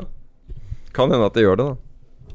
Nei, jeg vet ikke. Det er bare ja, det altså, Jeg elsker sånne konspiratoriske koblinger. og eh, mistenker kanskje noen hater å høre på det, men det får nå være. Men det var veldig påfallende at eh, det regnearket vi bruker i Google eh, Sheets, Altså, eh, hvis- sleit med å oppdatere seg. Altså Hvis i tillegg eh, strømmen går slik at frysedisken hos Fje- Fjellberg i Bygdø allé Der kom eh, fiskalen ikke, ikke virker, da vet du Da vet du at, at eh, det, Da vet du at russerne står bak. quiz. Først kjører vi eh, Så Bank of America har sånne spørreundersøkelser, eller egentlig det gamle Merrill Lynch, da, som, som er deres meglerdel. Eh, Bofa ML. Ja, den fantastiske. Og Bank of America tror jeg var Bank of Italy opprinnelig. Var det? Som var en sånn lokalbank i San Francisco. Tror, jeg tror det var der det kom fra. Um, I 2000 I juli, 2000, nei, i juli 2011, hva var det folk var redde for da? Det var, Det visste jeg. ja, var ikke det Det, det var EU-krisen. EU-krisen, ja, nettopp. Hva var det i Det her er ikke sikkert jeg husker. I september 2012 til mars 2013. Det her er jeg Nei, det husker jeg ikke. Fiscal Cliff. Virkelig? Husker du ikke Fiscal Cliff? Jo, jo, jeg husker det, men jeg Ok. Uh, Men jeg husker ikke at det varte så lenge. Og det, var, det virker å være ganske rolig, for det er litt sånn spredd. Litt mer sånn Fiscal Cliff inni her. Men uh, neste periode, 2013 til 2014, hva var folk redd for da? Sorry, når, når fra 13 til 14. Nei, jeg husker ikke. Hard landing i Kina. Aha. Da var det jo at Kina begynte å produsere dårlige makrotall. Og så 2015, det her er jo geopolitisk krise, står det bare. Litt eurosone etterspill etter eurokrisa. 2015, hard landing i Kina. Det var, ja. 2016-2017, politisk populisme. Det var jo når Trump kom og en Ja. rekke andre kom inn. Eh, husker du hva folk var redd for i 2017? Altså investorer. da. Nei. Kvantitative tightening, altså mindre sentralbankintervensjoner. Og det var jo Ja, det var jo vel fordi amerikanerne sluttet vel med det i slutten av 16 Eller i oktober 16, tror jeg. Eller Det var det før? Nei, det var før. Det var Fed ECB policy mistake var det de spesifikt. Og Også litt Nord-Korea inni der, også når det okay. nesten atomkrig og alt det der. Og så siste runde før korona. Hva var det man var redd for da? I lang tid, og to og et halvt år. Fram til er november 2019. før korona. Jeg husker eh, Hva var det? Trade war. Ja, men det hadde vi jo trade war, det er riktig. Ja, Ja, det, det Ja, dem, ja. jeg bare sier hva de svarer her. Og så det siste da presidentvalget, og koronakrisa har vært eh, prega. Så framover, de, det er de investorene Dette er jo ganske profesjonelle, institusjonelle investorer. De har Mm. mye analytikere. De bruker mye tid på å tenke på det her, så det er litt interessant å høre hva de frykter. Eh, de tre største tingene relatert til virus, om det muterer, vaksiner ikke fungerer, eller folk ikke vil ta det, det har store bivirkninger. Den Mm. fjerde tingen, som er ca. hver fjerde av investorene deres, er redd for at uh, den teknologibobla skal sprekke. Uh, de, uh, ca. hver femte investor fra Bank of America Merrill Lynch er redd for at sentralbanker skal trekke tilbake stimuli for tidlig. Mm. De er redd for runaway money supply. At demokratene vinner to siste senatsetene og tar over senatet. Og så kommer brexit. Bare 15% av investorene er redd for brexit, så det er totalt Ingen er redd for inflasjon? Uh, politisk polarisering. EU Recovery Fund proves difficult to fully implement. Kina policy tightening. Problemer der. Klima-emergency er ca. 8% Skal vi se Iran tension 3-4% OECD Eh, noe skatt og tyske valg, skotsk independence referendum, det er sånn 1 Ingen er redd for MDG? valget MD, Nei. None of these er 1 Og det minste er at eh, Nord-Korea skaper nyter. Ingen er redd for inflasjon. Nei. Sånn at virus og litt tech. Ja. Bare interessant. Ja, ja. Jeg lurer på hvor, de, eh, ja, hvor, hvor presis man har vært. Det er som du sier, hvis du går tilbake igjen, så så har det alltid vært noe annet. Og, og sånn var det jo. Og, og vi, dette har jo vi, vi, snakket om. Altså, hva er det som skal altså, Forut for covid også, hva er, det, hva, er det som skal, hva er det som skal trigge ting? Og min greie der har jo alltid vært at det, det er som regel noe vi ikke har tenkt på. Mm. Ja, når du ser tilbake, så var det jo Ja. De hadde jo aldri rett. Ja, ja nettopp. Og, og Vi husker jo ikke det engang. Eurokrisen er kanskje det eneste og, som stikker altså, ut. vi visste jo ikke Altså, covid det, det kom jo Altså, når det kom, så begynte det jo virkelig å rulle, men, eh, men det, det var jo en Om ikke en sort svane, fordi det har, skjedd tidligere, så Og blitt advart Det er om definitivt av en andre. sort svane. Hvor stort? Nei, det er jo ikke en sort svane, fordi Global shutdown. Ja, ja Hvem så jo, den komme? jo, det er greit nok, men, men det med en pandemi er, ikke, pandemi er ikke en sort svane, egentlig. Okay. Og det, det, det var jo flere som hadde advart mot, mot pandemi på forhånd og sagt at det var en av de Altså, det gjelder absolutt ikke meg selv, bare så det er sagt, men eh, som hadde advart mot det og, og sagt at det det er det som er, har, har størst fare. Siden Så- jeg er litt paranoid da meg, så jeg var fram til korona var En av mine favorittfilmer var 'Contagion', den 2011-filmen som ble så utrolig kjent under korona. Det er skremmende hvor, hvor eh, de gjetta riktig, altså. Mm. På alle sånne små detaljer i hvordan massepsykologien fungerer. Ja.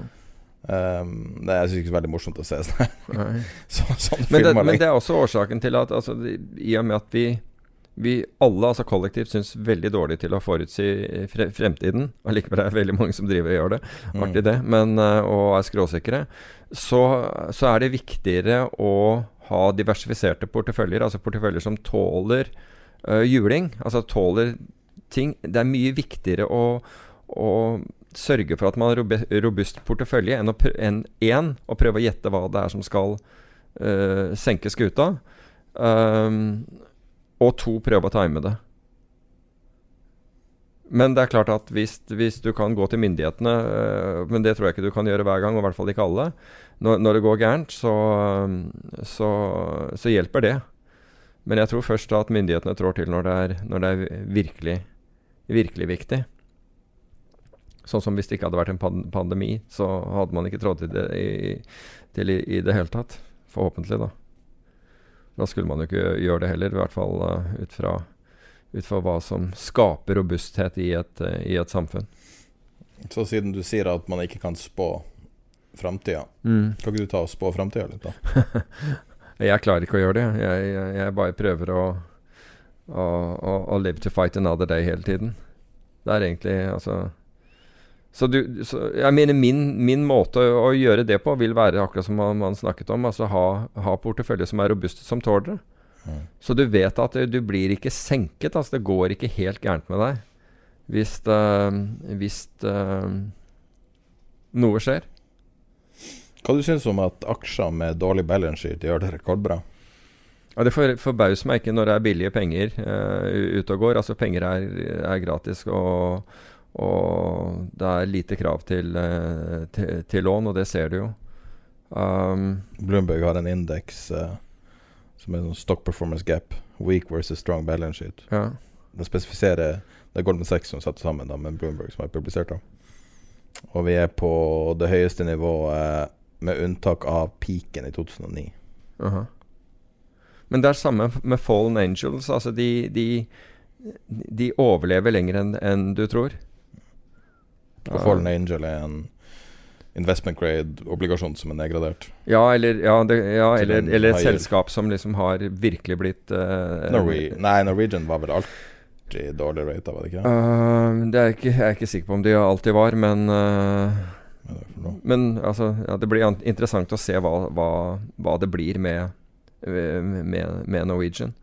Mm. Så hva, det som har vært, vært interessant der, det er jo at, eh, at eh, det bys hele tiden nå altså Du kan se når aksjen går, men det bys opp for, for obligasjonene. Det vises ikke, men, eh, men det bys opp for, for eh, obligasjonene. Og det, altså hvis du skulle si at når, når aksjekursen går 100, 140% altså så vil det være langt Altså på det nivået som, som obligasjonene var på, så vil det være langt mer fornuftig Altså Hvis du virkelig trodde at dette her Så, så er, er det bedre å eie gjelden, fordi gjelden uh, er, er, bedre eh, er bedre prioritert i en bedrifts kapitalstruktur.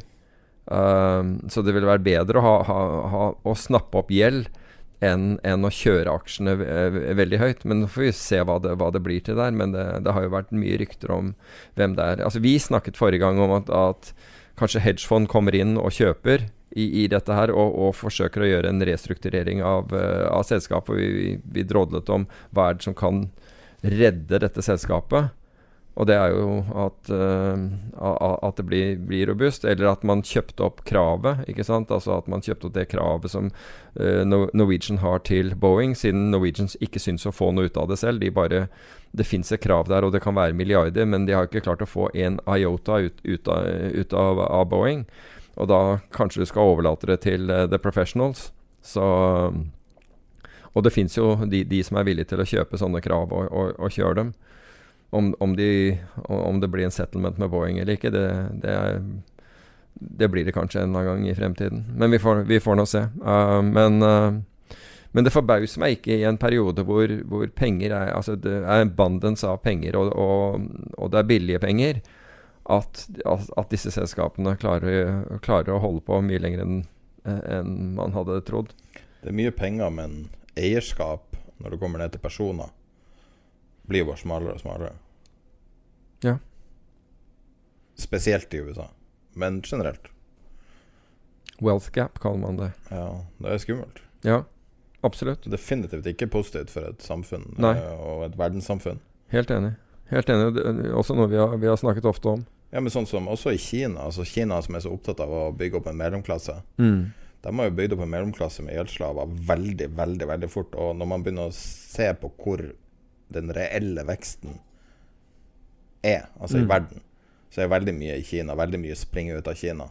Men hvis du begynner å, å se på mikronivå ned på gateplan i f.eks. Givu, som er en by som de aller fleste aldri har hørt om, som er der alt juggel på Nille kommer fra. Mm. Og der Altså egentlig alt kommer fra. All julepynt, alle suvenirer du har kjøpt i ditt liv, alt mulig slags rare ting, alle kniver du eier, alt kommer derifra. Mm. Fra ett bygg i Givu er det der alle eksportørene sitter. Og når du ser hvordan um, Når det åpner opp igjen, så er det en av, de første tingene jeg skal gjøre etter korona, er å reise bl.a. dit. Er Veldig fascinerende sted. Men det er det nærmeste du kommer Ville Vesten i, eh, Oh, i dagens. Det er sånn nesten lovløs del av Kina. Utrolig spesielt samfunn Mm. der. Og, og du har eh, Du har jo en veldig spesiell form for arbeidere i Kina som kommer og går, og med Chinese New Year så drar de hjem, og så kommer de aldri tilbake igjen. Så, så du bytter jo arbeidsstokken hele tida. Men det som jeg syns er ganske skummelt, er den mellomklassen som har tatt enorme mengder gjeld, Mm. Og salta den eiendom. Hva skjer?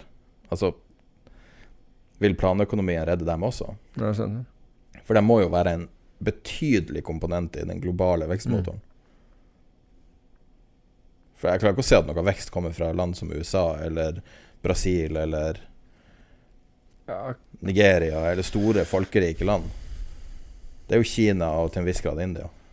Ja, nå, nå, den høye veksten Ja, altså det som ja. driver Ja, ja. Altså den Ja. eh, eh, Motoren. Ja, altså den som driver, gjør Mm. at man får- en positiv Mm. hverdag. Ja. Men vi har jo hatt en helt vanvittig gjeldsøkning på alle nivåer, Mm. på alle plan. Norge er jo et veldig fjella land, hvis du Ja, begynner det, å se det, på ja, ja. Men på verdensbasis så er jo da gjelden nå høyere enn en den globale verdiskapningen. Mhm. Ja, så um, det er, det er Something noe å ta gotta altså.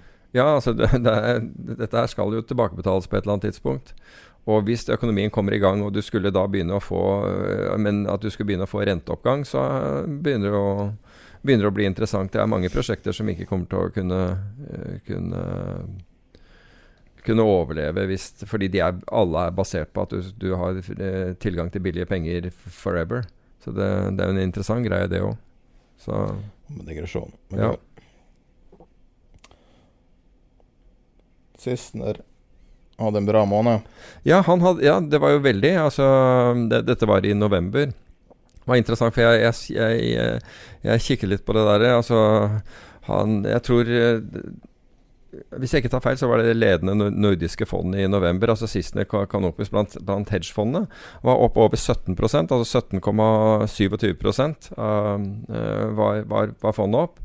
Og jeg må innrømme at jeg begynte å interessere meg. Jeg så på det da, og, og Du er alltid litt interessert i sistene? ja, men jeg er alltid interessert når noen virkelig sånn øh, Altså, han har jo vært med i alle år. Han har nesten vært i Eller han kom vel til det norske markedet litt grann, ja, bare noen år etter meg, tror jeg. Eller det var veldig få også. Uh, men uh, For jeg husker jo han uh, satt på, på, på Oslo Børs. Men, så, men det var jo veldig bra. Da hadde jo samtidig norske aksjer opp over 13 i, i forrige måned også. Men det, det fikk meg til å begynne å se på litt på det, og da så jeg jo at første jeg gjorde, var å legge Jeg, jeg tok Oslo Børsindeksen, og så la jeg eh, utviklingen på fondet over den. Og det er jo Altså, jeg vet at det er et hedgefond, og jeg vet at eh, Altså, ære være han for at han ikke At han klarte seg rundt eh, Altså, har hentet seg igjen etter å ha vært short eh, Tesla og alt det andre. Fordi han er jo opp eh, 8 eh, nå, nå i år. Uh, som er jo bedre enn, bedre enn Oslo Børs. Men når, når, hvis du legger grafen oppå Oslo Børs, så, faktisk, så- ser den ut som Oslo Børs. Uh, bare at eh, med, med noe lavere avkastning, men, men også lavere, lavere risiko enn uh, en Oslo Børs. Og det er veldig veldig høy korrelasjon til, eh, eh, til, eh, til, til Oslo Børs. Eh, men ære være han for det. Altså opp 8,14% i år. Hvis du ser på eh, hedgefond eh, i eh, i eh, altså aksjehedgefond i verden, så er de opp 10,7 eh, i år i snitt.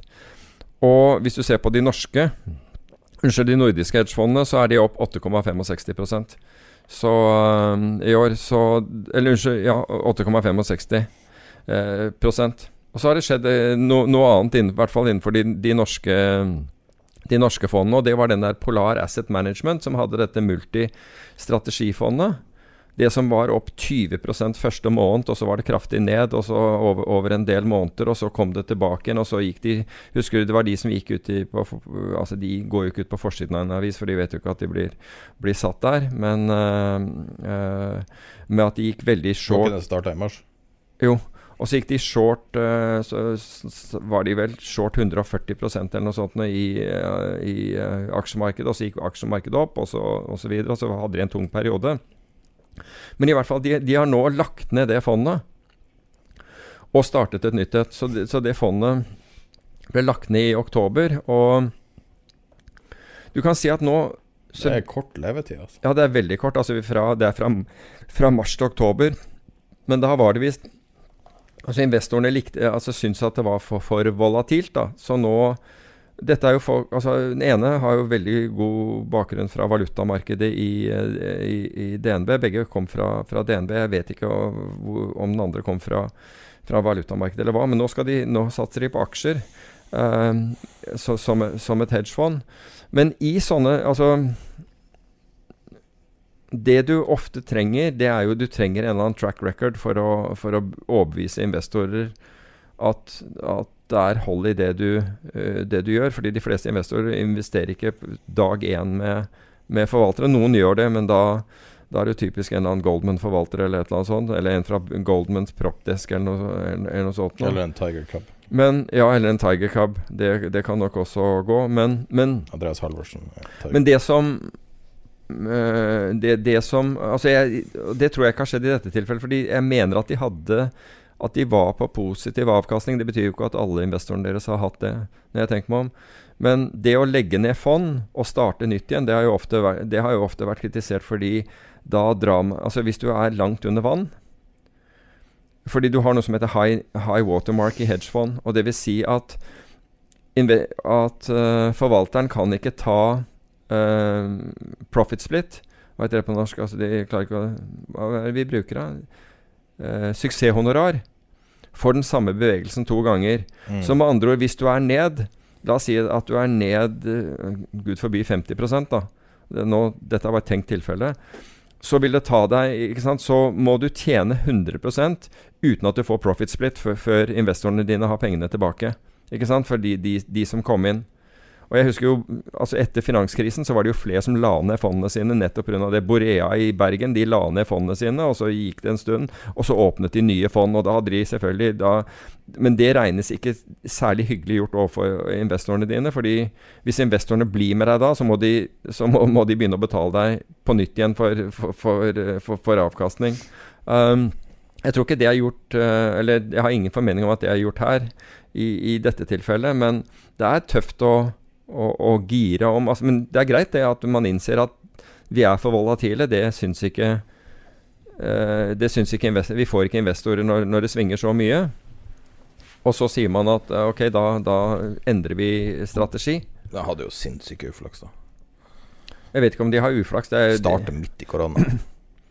Det er jo sikkert, en, sikkert et tog som starta lenge Altså, de, før. de hadde jo, I mars hadde de jo kjempeavkastning. Så det, så ikke ut som det gjorde dem noe øh, Om de ble noe skadet av det. I hvert fall oppfattet ikke jeg at de, at de ble det. Så Ok, starta midt i Fed-opprydninga, da. starta midt i Fed opp, ja, hva, hva som helst. Men, øh, men i hvert fall, de, de har startet, så får vi se hvordan, øh, hvordan det nye, nye fondet går. Men det har skjedd en del ting i i, i det norske markedet. Det, det, altså Aker Asset Management, som, som fortsatt heter AAM, Mm. men som ble borte av kartet. Uh, fordi i hvert fall Hedge Nordic Er ikke det bare uh, Røkke sine penger, da? Nei, det var Røkke sin i, i sin tid. Det var Røkke var sidet vel det fondet. Og så Mulig jeg blander det med det andre. Det er, Nei, fordi, ja, fordi Røkke, Røkke sidet jo trading Nei. Ja, Røkke sidet det fondet, og så Og så trakk Røkke seg ut, eller de gikk independent. Og så holdt de på, og så hadde de en, en vanskelig periode. Men det er faktisk nå det fondet, i hvert fall blant de norske, de er opp Hva er det så? Eh, de er opp 46,9% i år. Så det, han har jo i hvert fall eh, tatt tilbake det tapet. Ah, Jeg husker han fra Han gjorde veldig bra bl.a. i 2008. Og hadde veldig bra track record eh, i, i mange år. Og så gikk han på eh, et par år hvor med, med nedgang. Ja. Men, men er tydeligvis kommet tilbake igjen nå, for nå plutselig dukket han opp på listen igjen. Um, utover det så Caxton, som vi, um, vi, vi snakket om en gang, altså Bruce Covner, men Andrew Law heter han som uh, er som er forvalteren der. Caxton er opp over 40% i år, og har nå stengt fondet for, for eksterne investorer, så du, ingen får lov å investere mer i det. Pershing Square, Bill Ackman, Ja, hva er det han har gjort? Ja, han, jo, han shortet jo kredittmarkedet i, eh, under covid. Han hadde stor short-posisjon i kreditt, Mm. som han dekket inn omtrent på bunnen. Så han er opp 73% i år. Ja, han er egentlig opp mye mer, fordi det er 73% og da er det 26% rabatt. Fordi dette er jo, det, det er jo børsnotert, det fondet. Og det handler til 26% rabatt. Så til tross eh, så er det opp 73 Husker du tikkeren på det? Øh, nei, men den fins Altså, den er notert i Amsterdam og i London. Den London-noteringen er vel den som er, er best. Men hvis du skriver Pershing Square i uh, Hvis du har tilgang til et, øh, et uh, informasjonssystem, så skal du nok finne det. Men på, på Bloom, på Bloom Ja, de, de fins jo på Bloomberg, hvis du, hvis du Ja, ser, og på Yahoo Finance. Uh, ser etter litt, her.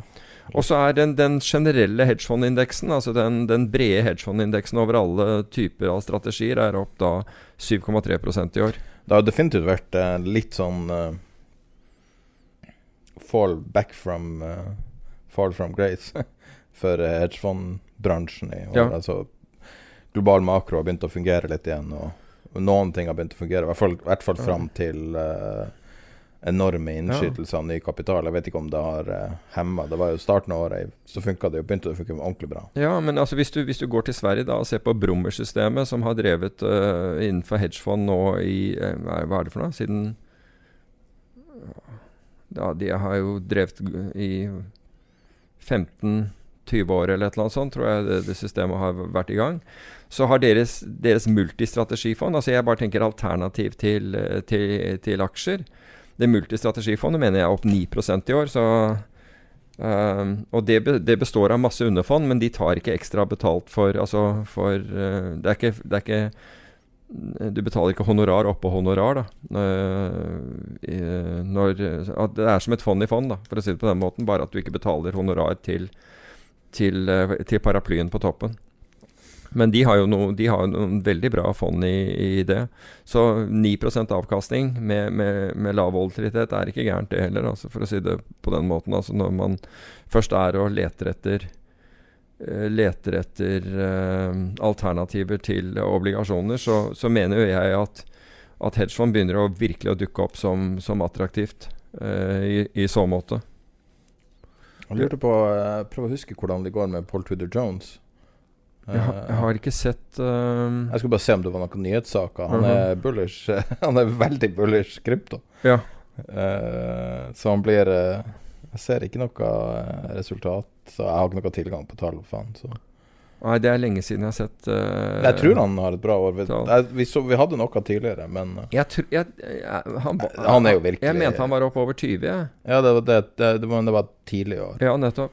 Vi har snakka om det, men det er jo mange vi har tatt opp her. Ja. Men han er jo fortsatt Han er jo en evergreen, altså. Ja. Eh, Hvor han tar energien fra, det skjønner jeg ikke. Nei, altså. han, er, eh, han har mye Han har gått med den. Men Vet du hvem som er andelseiere i, i fondet? Hvem er det som er stor? Nei, det vet jeg ikke. Jeg vet ikke. Er det liksom pensjonsfond, eller? Ja, det tror jeg. Altså, det tror jeg Legater og hele pakka tror jeg han har.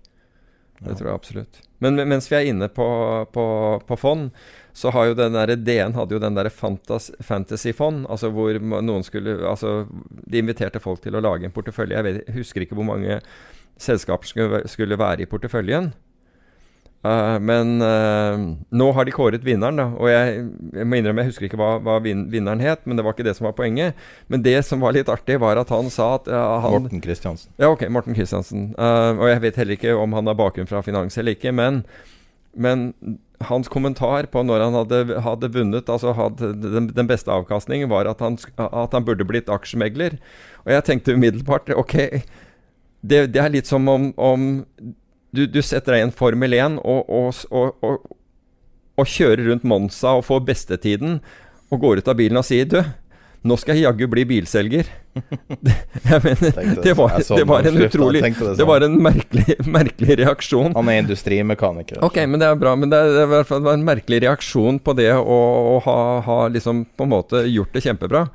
Det var, var at du skulle bli noe helt annet. Jo, men det, altså, det vitner jo bare at han, han sannsynligvis ikke er helt sikker på hva en aksjemegler er, og, og det er ikke noe galt i det. Altså. Nei, nei, nei. nei det og det er jo det. ofte Det var, jeg bare, det var bare som en tenkte artig jeg, kommentar. Jeg så den overskrifta. Okay. altså, men det er jo litt sånn de gjør det der for å være kjip med han. Altså, de burde ikke ha skrevet det der. Okay. Det der gjør de. De gjør et poeng av at han er industrimekaniker, de gjør et poeng av at han ikke forstår den dynamikken. Jeg syns jo det er helt fint at han er, at han er jo, men industrimekaniker. det, ikke jeg synes det en, eh, burde ikke Altså Hvis de først skal kjøre en novisekonkurranse, Mm. papirtrading, og, og skal få folk interessert, så burde de ikke gjøre det på den måten. Det syns jeg Ok, jeg har, jeg har ikke, jeg har ikke Jo, fulgt det der. Jeg det er jo nesten sånn jeg har bare sett det vært omtalt. Det er jo den overklassen som ser ned på dem som ikke forstår alle dynamikkene i aksjemarkedet. Ja, ja, men han vant. Det er jo Han vant poenget. 100 000, tror jeg. Hva sier du? Gjorde han? Ja. Well done. Så Han var long Norwegian. Og Ja. Yes, nei, det var han fikk avkastning på 164% Ja, det er ikke gærent. Mortis 20, 27 heter fondet hans. Ja, På ti uker 164 Syns det er bra, jeg. 30 prosentpoeng Jeg- over nummer to. Ja, da, gjetter jeg at han enten hadde Norwegian, Norwegian. e- eller, eller Borr i porteføljen. Eller måtte nesten ha vært Norwegian i porteføljen for å få den avkastningen. Ja, og, det er jo litt sånn Men all ære til han. Altså, det skal jeg har Akkurat ikke- Norwegian er jo selvfølgelig en aksje du lett kan trade i store volum, siden det er så store volum. Ja, det kan du sikkert. Jeg vet ikke hva, hva det utgjør. Men jeg vet ikke hva det utgjør i, eh, i kroner og øre, det volumet som går i Norwegian. Altså I antall aksjer så går det jo vanvittig, ikke sant? i og med at uh, aksjekursen be, altså, har vært mesteparten av tiden under den perioden under én krone. Altså den var så vidt over. Men jeg mener for, nå at den er under igjen. Men det Når jeg tok skjermbilde av uh, terminalen klokka ti, så var Norwegian nest mest omsatt på Oslo Børs. Ja, men nest mest omsatt i, I antall aksjer. i kroner. I kroner? Ja. Ok, wow. Ja, det mer Foran masse Det var- selskaper. Jeg ser så lite på Oslo Børs at når jeg begynner å se på tikkerne, Ja, ja. så kjenner jeg bare igjen sånn håndfull Altså Vi snakker jo aldri om Oslo Børs, ser egentlig aldri på det. Ser at det er der, ser overskriften om Norwegian og sånn, men verden er stor, og man trenger ikke bare å se dette over navlen, liksom. Nei, det, det er jo Men det, det skal eh, Altså, det er jo det som blir markedsført her, så det er jo Jeg syns han, eh, han som vant konkurransen, egentlig hadde en ganske fin Altså, han, han hadde en eh, en, os, en ordentlig push med Norwegian. Mm. Han hadde litt borr også, men han sier han, han safa det inn på slutten. Så han har jo definitiv risikoforståelse. Mm. Ja, ja, han Noe har som jeg at absolutt ikke Ja, har. ja. Så, så skal ikke si altså, Ja. Jeg er verdens dårligste trader. mm. Hadde Oddfjell Drilling Endur. Jeg har aldri hørt om Endur engang. Så. Nei, jeg vet heller ikke hva det er. Og Atlantic Sapphire, Mhm. som sikkert er det, det navnet har jeg hørt. Yes. Endur er et norsk industrikonsern. Ok.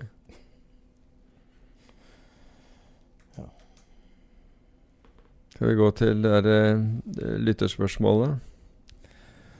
Det kan vi. Det var jo noe som eh, veldig mange tror jeg beit seg merke i den eh, boka. Til eh, Schwager? Ja, det var et ord som også jeg ikke hadde hørt, som jeg noterte ned med en gang. Mm. Hva i alle dager er Sortino-ratio? Ja, Sortino ratio. Altså du kan si, hvis vi først begynner med, med sharp ratio, for det er det som er spørsmålet, hva er forskjellen mellom sharp ratio og, og Sortino ratio? Begge deler måler eh, risikojustert avkastning. Så du tar ikke bare den høyeste avkastningen, du, du justerer den for den risikoen som er tatt. Og sharp ratio gjør det ved å ta avkastningen minus, uh, minus den risikofrie renten og deler på standardavviket i samme perioden som avkastningen er, er blitt gjort. Og du kan si at en, det som regnes en, en sharp ratio på én, være veldig bra. Og to er selvfølgelig veldig mye bedre, og tre er ganske eksepsjonelt og, og, og høyere. Bare så det, det er Hva var det du hadde i short term trading? Ja, der hadde vi enda høyere. Jeg vet sånn cirka. Var det 5,5? Ja, vi, altså vi, vi hadde det på en periode. Jeg tror vi var, var 4-47 over hele perioden. Jeg skutta Så- det sjøl. Jeg vet at du sannsynligvis ikke kommer til å gjøre det, men jeg skutta det før om når du var og vant premie, og de sa at du hadde knust eh, skalaen. Ja, Uh, altså greiene er, er jo også Apropos det, det med, med sharp ratio. Jeg hadde den diskusjonen med noen forleden dag som, som presenterte meg med en sharp ratio for, for eh, på ett år. Og, der, og de hadde målt det månedlig. Og det er tolv observasjoner. Og som jeg sa til vedkommende, tolv observasjoner sier meg e- egentlig ingenting. Altså hadde, Selv med fem år så ville du hatt 60 observasjoner, hadde jeg syntes det var, var lite. Men, hadde, men det, det kunne jeg liksom på en måte leve med. Hvis du gir meg ukentlig data for, 12 måneder, eller enda bedre daglig data Tiksa, da. Ja, eller ikke TIC-data, men i hvert fall daglig. Men du kan si, gir du meg ukentlig data, så får jeg i hvert fall 52 observasjoner, som er litt over fire år, da. eh, Med data, da, da har jeg noe å Men hvis du gir meg ett år, altså tolv observasjoner, så, så gir jeg det null i, i, eh, i, i signifikans, fordi det er ikke nok data, rett og slett. Um, bare, bare så det er sagt. Um, men poenget med, med det er jo at hvis du vet den risikojusterte avkastningen, så kan du sammenligne den uh, avkastningen F.eks. du kan ta den risikojusterte avkastningen til indeksen på Oslo Børs på, på, akkurat samme måte. Og du kan da sammenligne f.eks. med en forvalter. Om den forvalteren gir deg en bedre altså La oss si at en, en forvalter har La oss si at Oslo Børs har gitt 10% avkastning. Da Sissener, da. Ja, jeg vet ikke hva altså, Da må du se den over hva, hva, er hans sharp ratio over, uh, over tre og fem år, f.eks.? Um, jeg må ta litt tid. Kanskje Hedge Nordic eller noe sånt har det. Tror du, du kan opplyse det sjøl? Hva? Tror du kan opplyse det sjøl? Nei, at, altså uansett så, så, er det jo greit å ha en, en, noen altså, Sånn som Hedge Nordic hadde regnet ut uh, Warsharp ratio den gangen. Det er greit at det er noen andre enn deg selv som sitter der og, og gir der, med mindre du gir dem tallene. Og, og, og det, det, kan verifiseres. Men, men, poenget mitt er at, at du kan da måle om f.eks. du har en aktiv forvalter, om det er egentlig bare risiko som er som er eh, bakgrunnen for at de har en, en meravkastning i forhold til børsen. Hvis det er kun risiko, at de tar mye mer risiko med pengene dine, så, så vil du gjøre det bedre. altså Så vil, du, vil det være lurere, eh, lurere for deg å, å ta et, et indeksfond og belåne det forsiktig. Da vil du, ja, da, da kan du, da vil du hvis, du, hvis, du, gjennom det får en høyere avkastning enn det forvalteren din gir, med, med, til, til, til, samme risiko, da har, da har, du, gjort noe smart, for å si på den måten. Men vi, men poenget, altså jeg syns det er altfor lite fokus på risikojustert avkastning, for det er det eneste som teller. Da kan du selv velge hvor mye du vil tråkke på gassen. Hvis du, hvis du har en forvalter som gir deg god risikojustert avkastning, så er det opp til deg hvor mye hvor mye vil jeg gi gass? La oss si at den forvalteren har vesentlig lavere, lavere svingninger enn en Oslo Børsindeksen. Da kan du si at ok, men jeg, jeg tåler de, de, svingningene som aksjemarkedet gir. Da kan du gire opp den forvalteren, altså ved, ved, ved å forsiktig belåne den porteføljen, til du når det samme nivået som Oslo Børs har. Og få en mye høyere avkastning. Jeg har funnet tallene til sist nå. Okay. Da kan du bedømme dem i real time. sånn. Sharp ratioen er 0,64 og på tolv måneder. Sortinoen 1,04. Ja, de, de, altså De er begge, begge lave, men det er hvor du vil an, hvor Normalt sett et, et long-fond vil, vil antageligvis være Altså et long aksjefond vil antageligvis ha omtrent de, de egenskapene som, som det. Um, så over tid Altså 0,6 Det er som jeg sier, at, at de fleste Risk return hans er lenger ut, uh, både på standardavvik og, og, avkastning. Og det er jo på, på to akser. Ja. At de har en graf med standardavvik og avkastning. Okay.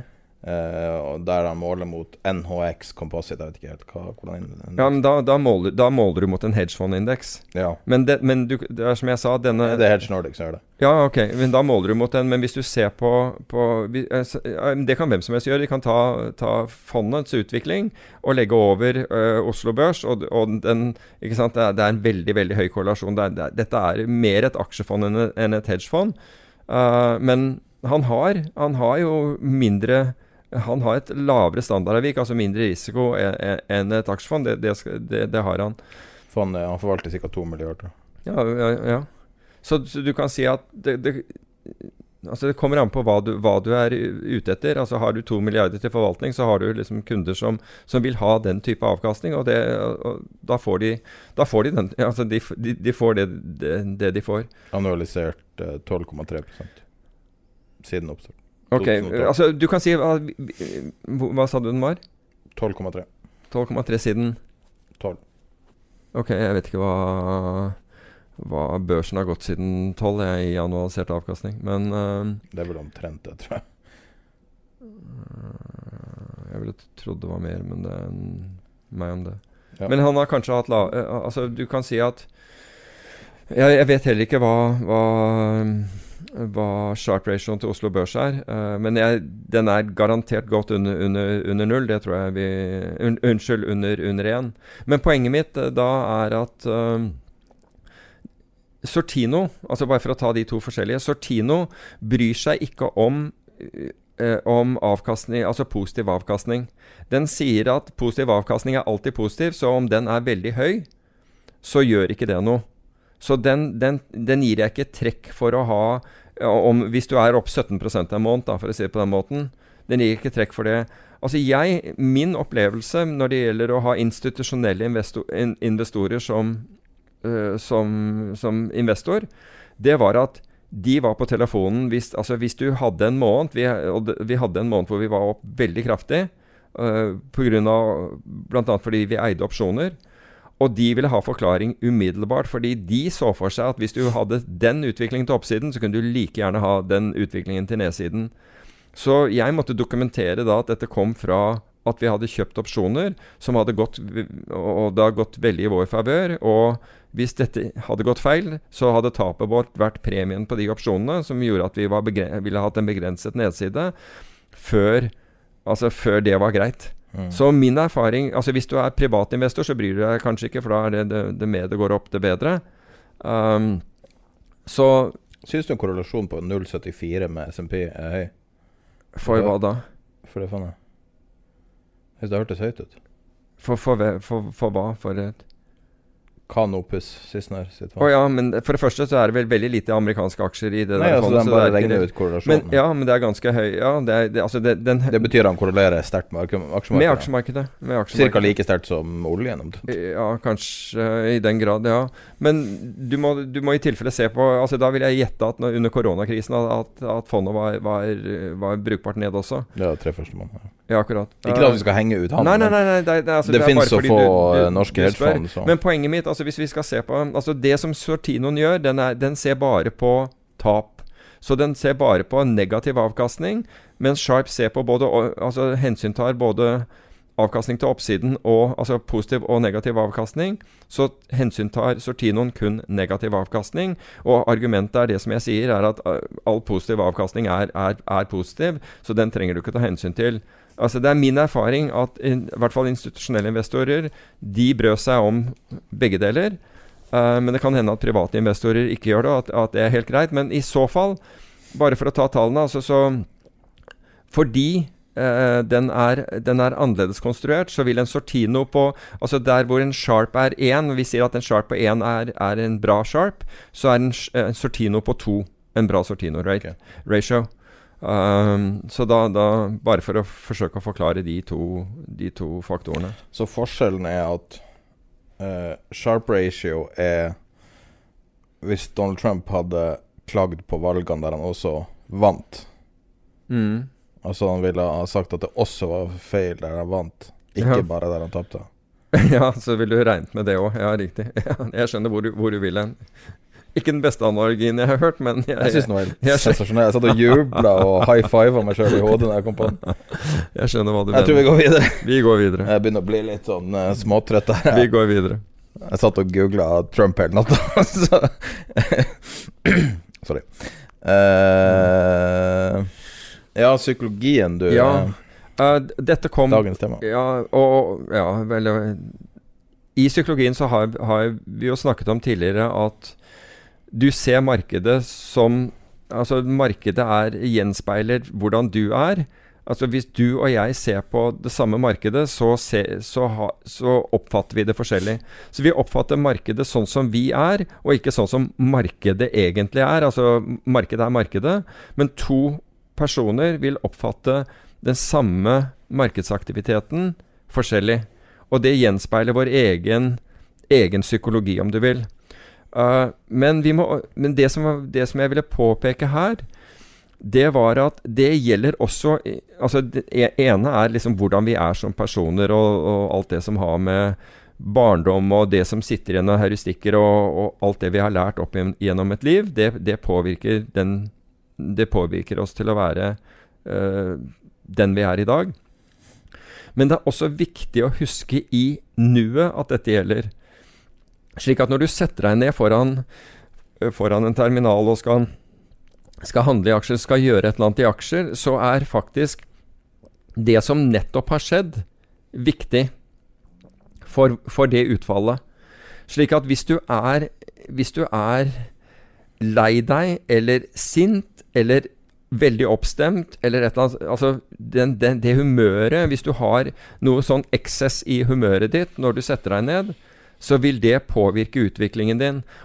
Og den eneste måten du kan passe på at dette ikke Eller dette skjer i så liten grad som mulig, det er ved å ha en prosess. Ved å følge en prosess. Den er vanskelig å følge. Hvis du er høyt oppe eller lavt nede, så er det vanskelig å følge prosessen. Og gjøre det, Men det er å ha en klar prosess på hva du skal gjøre. Jeg skal gjøre sånn hvis dette skjer. Hvis jeg skal legge inn en, et, et, et kjøp, Møter det kjøpet de kriteriene for at jeg faktisk skal gå og kjøpe her? Vet jeg risikoen min? Hva har jeg tenkt å gjøre, gjøre med dette øh, jeg, når jeg har kjøpt? Hvis det går ned, hva, hvor har jeg tenkt å komme meg ut? Hvis det går opp, hva, hvor, er jeg, hvor, er det jeg, leter etter å ta gevinst? Eller hvordan har jeg tenkt å gjøre det? Disse tingene må være definert på forhånd, for ellers så påvirkes vi hele tiden av det som skjer. Og vi kan nulle ut hodet litt, men det er det letteste da må du liksom også gjøre noe aktivt, men det letteste er å ha en klar prosess på hva er kriteriene mine for å, for å kjøpe noe, for å kjøpe det jeg, det jeg ser på. Um, hva er de klare kriteriene for det, og ikke at du synser, fordi da begynner du å bruke din egen, uh, din egen stemning som grunnlag for det du gjør. Og jeg kan love deg, idet du har fått på den handelen, som du ikke hadde egentlig en, en, en, godt argument for å ha, så føler du nesten umiddelbart at oh shit, hva gjør jeg nå? Dette, dette, jeg, dette er feil, nå er, jeg, nå er, jeg, på dypt vann. Og så, får, og så, er det panikken som plutselig altså i, trenger ikke å være at du går helt At du bare ser det hvite i øynene dine, og, eller at pupillene ruller i hodet. Men da er det det som på en måte styrer det, det du driver med. Så det å ha en nedtegnet prosess kan hjelpe deg til å kontrollere og forbedre uh, din, din, din atferd i markedet og, og, beslutningsprosess? Veldig eksepsjonelle idrettsutøvere har jo ofte sånne ting. Jeg vet ikke hvordan jeg har sett på fotball i mange år, men før i tida Ronaldo, når han skulle ta frispark, så gjorde han det på akkurat samme måte. Mm. Identisk. Skritta opp, identisk utgangspunkt, og alle frykta det. Og det ble en sånn altså, mental prosess. Tiger Woods var jo kjent for å bare juble når han vant, og ingen følelser når han tapte. Og det mm. var en sånn prøve å trene hjernen opp til å provosere fram positive resultater. og så han eh, tennisspilleren han eh, Rafael Nadal drar trusa ut av ræva før hver eneste, hver eneste gang han skal serve eller gjøre noe som helst. Det var noen som påpekte det en gang. Etter det så går det nesten ikke an å se på han spille det. og det er akkurat som det er en Han setter alt i orden. Ja. Ronaldo setter alt i orden. Og det her er jo de topp, topp, topp, topp topp utøverne i sine verdensidretter. Og det er antagelig en av årsakene til at de er topputøvere. nemlig at de trener seg selv hele tiden. De skjønner at, at behovet for, for, uh, for en, en Altså en homogen beslutningsprosess. At du har en klar beslutningsprosess. At du ikke styres av innskytelsene dine. Um, og så var det var, var, i forbindelse med egentlig det samme spørsmålet Det var en som, som snakket om at han begynte å, å, å, handle i aksjer, og så hadde det gått ganske gærent umiddelbart. Uh, og så sier han Han skjønner ikke helt hvor, hvorfor altså, han, han, skulle ha så uflaks. Så sa jeg Men tenk deg selv, altså hvis du hadde, Har du noen gang spilt tennis? Ja, det var veldig lite. Men altså, jeg sa når du, når du gikk inn på en tennisbane første gang, forventet du da liksom å slå perfekte baller? Nei, han gjorde jo ikke det. ikke sant? Du måtte jo først lære hvordan man skulle slå, og så at ballen traff midten eh, av racketen, og, og, prøve å få til det. Og så lærte han toppspinn, og så lærte han å kutte, og så lærte han å smashe, og til slutt lærte han å serve ifølge uh, seg selv, så sa jeg vel, det er akkurat det samme her. Det er akkurat det samme her at du må lære den rytmen. Du må lære noe nytt. Så du må lære det derre hvordan du gjør ting. Så, så, så de, alle må lære det, sa jeg. Absolutt alle må lære det. Og lær det med så lite penger du kan. Inntil du føler at du har en annen form for rytme i spillet ditt. Det er akkurat det samme. Det var egentlig det jeg hadde tenkt å, å, å si om det, rett og slett fordi det var noen som lurte på om vi kunne lage en hel episode med, med, med psykolog. Det er for så vidt en interessant sak, men jeg tror at de som da ikke interesserer seg for psy sånn. psykologi, vil, vil uh, antagelig strømme på det. Vi kan gi deg masse syre, så kan jeg prøve å psykisk bryte deg ned ja. mens det eller, eller, noe annet. uh, jeg har ikke lest noe om Essex Boys, jeg aner ikke hva det er for noe. Okay, og, og det negative jeg har ikke åpna saken oh, ja. engang, så du kan gjerne Jo, altså det, En bra tittel. Interessant, ja, det er en interessant sak. Men det, det, det, som er morsomt med denne saken, det er at denne her har jo versert i månedsvis. Men det var først når Liam Vaughan, som skrev om Sarao, tok tak i dette og skrev eh, storyen i Bloomberg, at den, den eksploderte. Og da begynte den å gå på, på, en rekke CNBC og masse andre begynte å skrive om dette. Men dette er Så det var litt, sånn litt overraskende at den plutselig har fått sin re renessanse nå i, uh, i begynnelsen av, av, desember. Mens jeg tror første gang jeg så noe om det, var, var, var i sommer. Men storyen er som følger at ni karer, mener jeg det var eh, Og når man leser overskriften om disse Essex Boys, så får du inntrykk av at det er ni karer som sitter på puben, og som, eh, som drikker sammen, som plutselig finner ut at de skal trade i olje. Hvis det er én ting finansmedia kan, ja. så er det å gi folk vanvittig fascinerende kallenavn som London Whale eller 50 Cent eller et eller annet, og bygge et sånn ja, epos rundt det. Ja, det, det ja. Bortsett fra han, han, han, han, ene har jo et kallenavn, og det er Fee. Og hvorfor han har det kallenavnet, er fordi han er cockney, og der av en eller annen grunn der, Altså der, kan altså, du cockney rhyming slang? Nei, men, men altså Navnet Arthur, altså som skrives ART HUR, ikke sant? Arthur. Eh, det, det, er, når, når, de gutta sier, så er det AFA. Ja. Altså, det, altså de, de, uttaler ikke R. Og han, og han hadde, han hadde tre, visstnok, på badgen sin på, på, gulvet når han var gulvtrader. Men three Oh, ja. Så det ble FWE.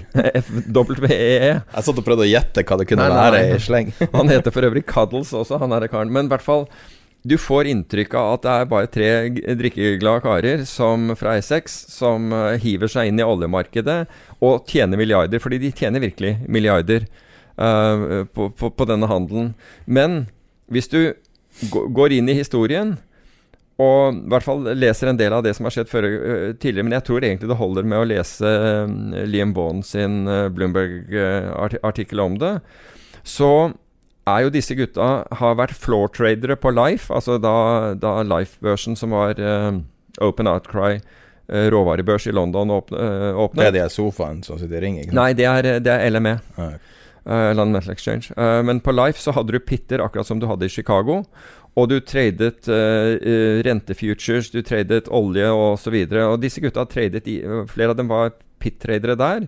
Andre har jobbet for Tower, eh, som er en av de store eh, altså prop trading-husene eh, i, i, England. Og de nå no, jobbet nå for noe som het Vega Capital. Og mange har liksom tenkt hvordan i all verden altså, var det mulig for disse å tjene milliarder på det de gjorde? Altså, og så er det en del tekniske ting her. Fordi det de gjorde, var at de, var, altså, de visste som Veldig mange, fordi det var snakk om på det tidspunktet Dette var jo tiden hvor oljeprisen falt, og til slutt gikk negativ. Uh, med, med, Var det 37,61 cent. Men det, den dagen, på forfallsdagen, så driver de og shorter videre olje nedover. De selger olje fordi de vet at Cushing-lagrene i Oklahoma er breddfulle. De kan ikke ta imot olje, så olje må ned. Og de selger på. Men samtidig som de selger på, så bruker de, så bruker de TAS-kontrakten.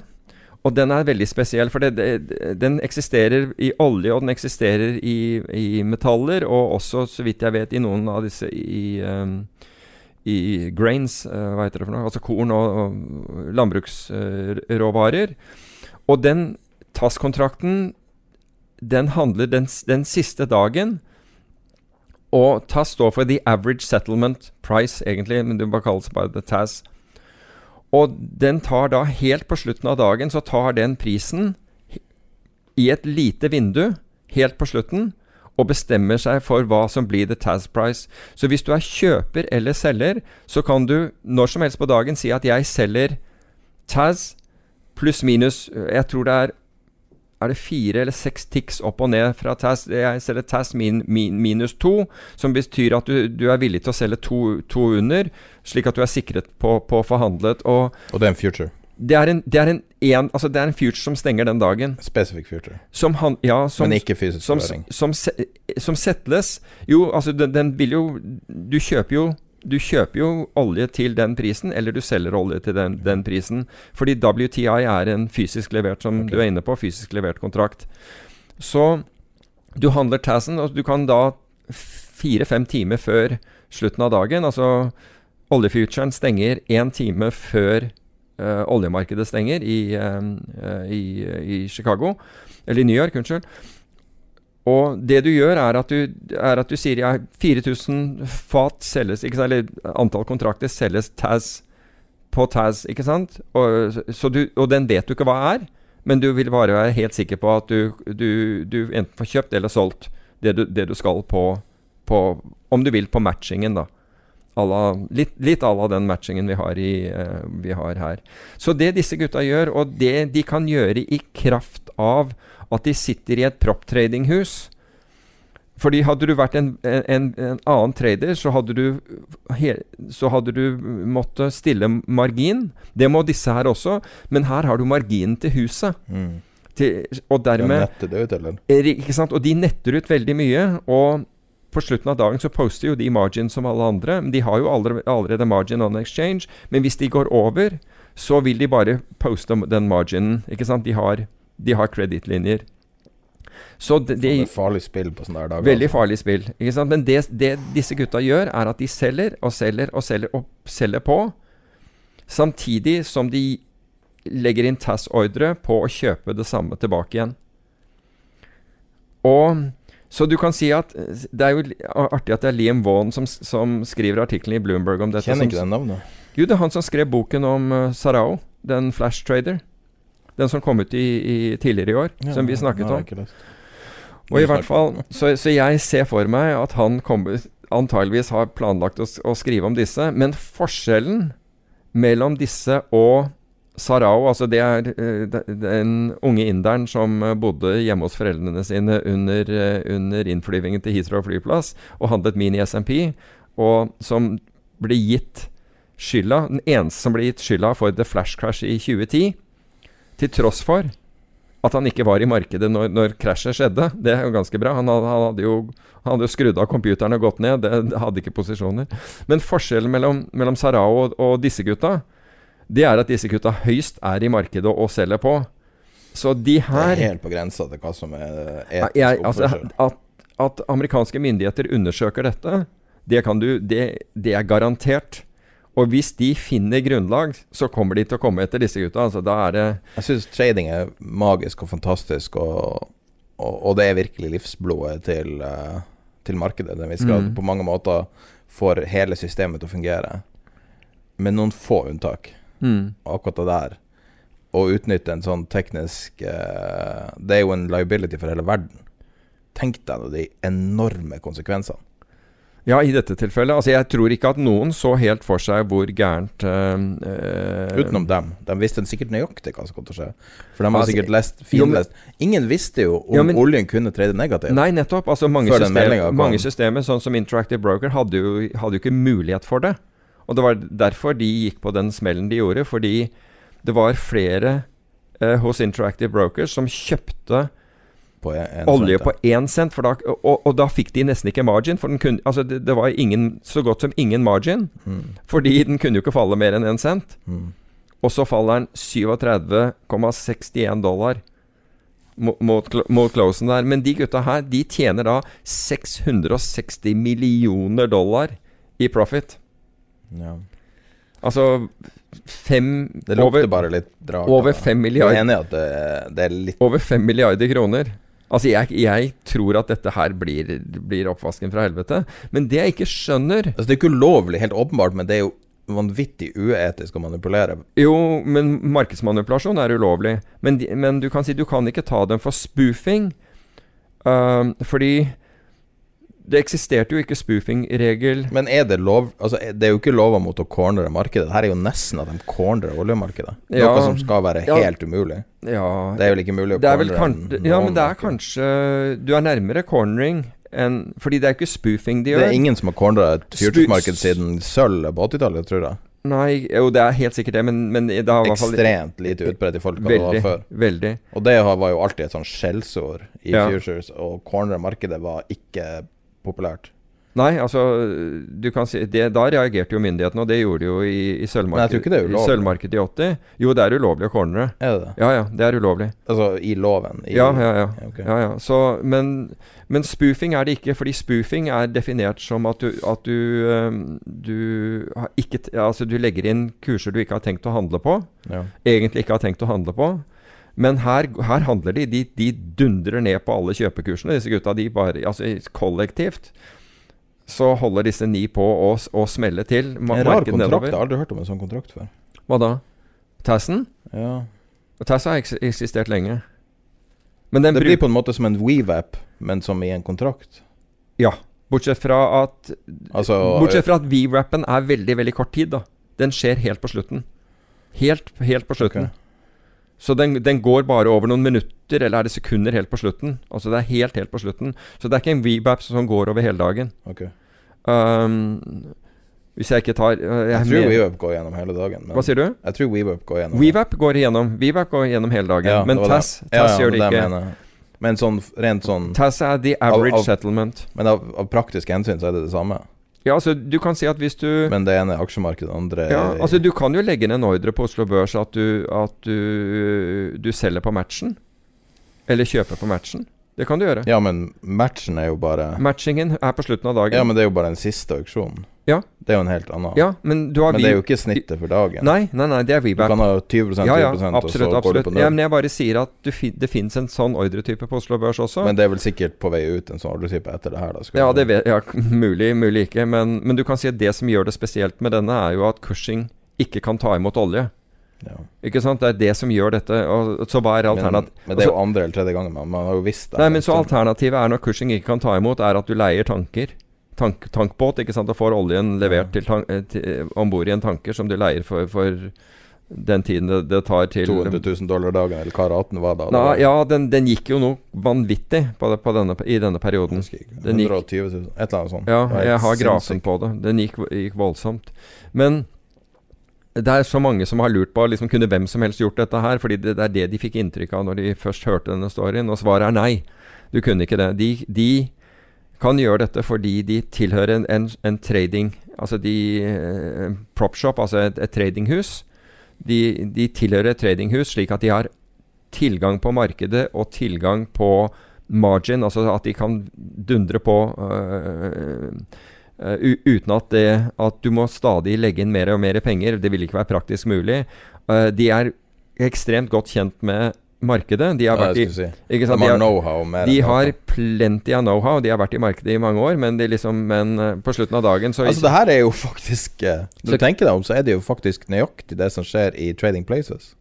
Som er kanskje det mest siden jeg har sett at uh, Når, Det er vel et en grain market? Er det ikke en grain market? Eh, Den rapporten kan hete noe soyabønner eller noe sånt noe uh, sak?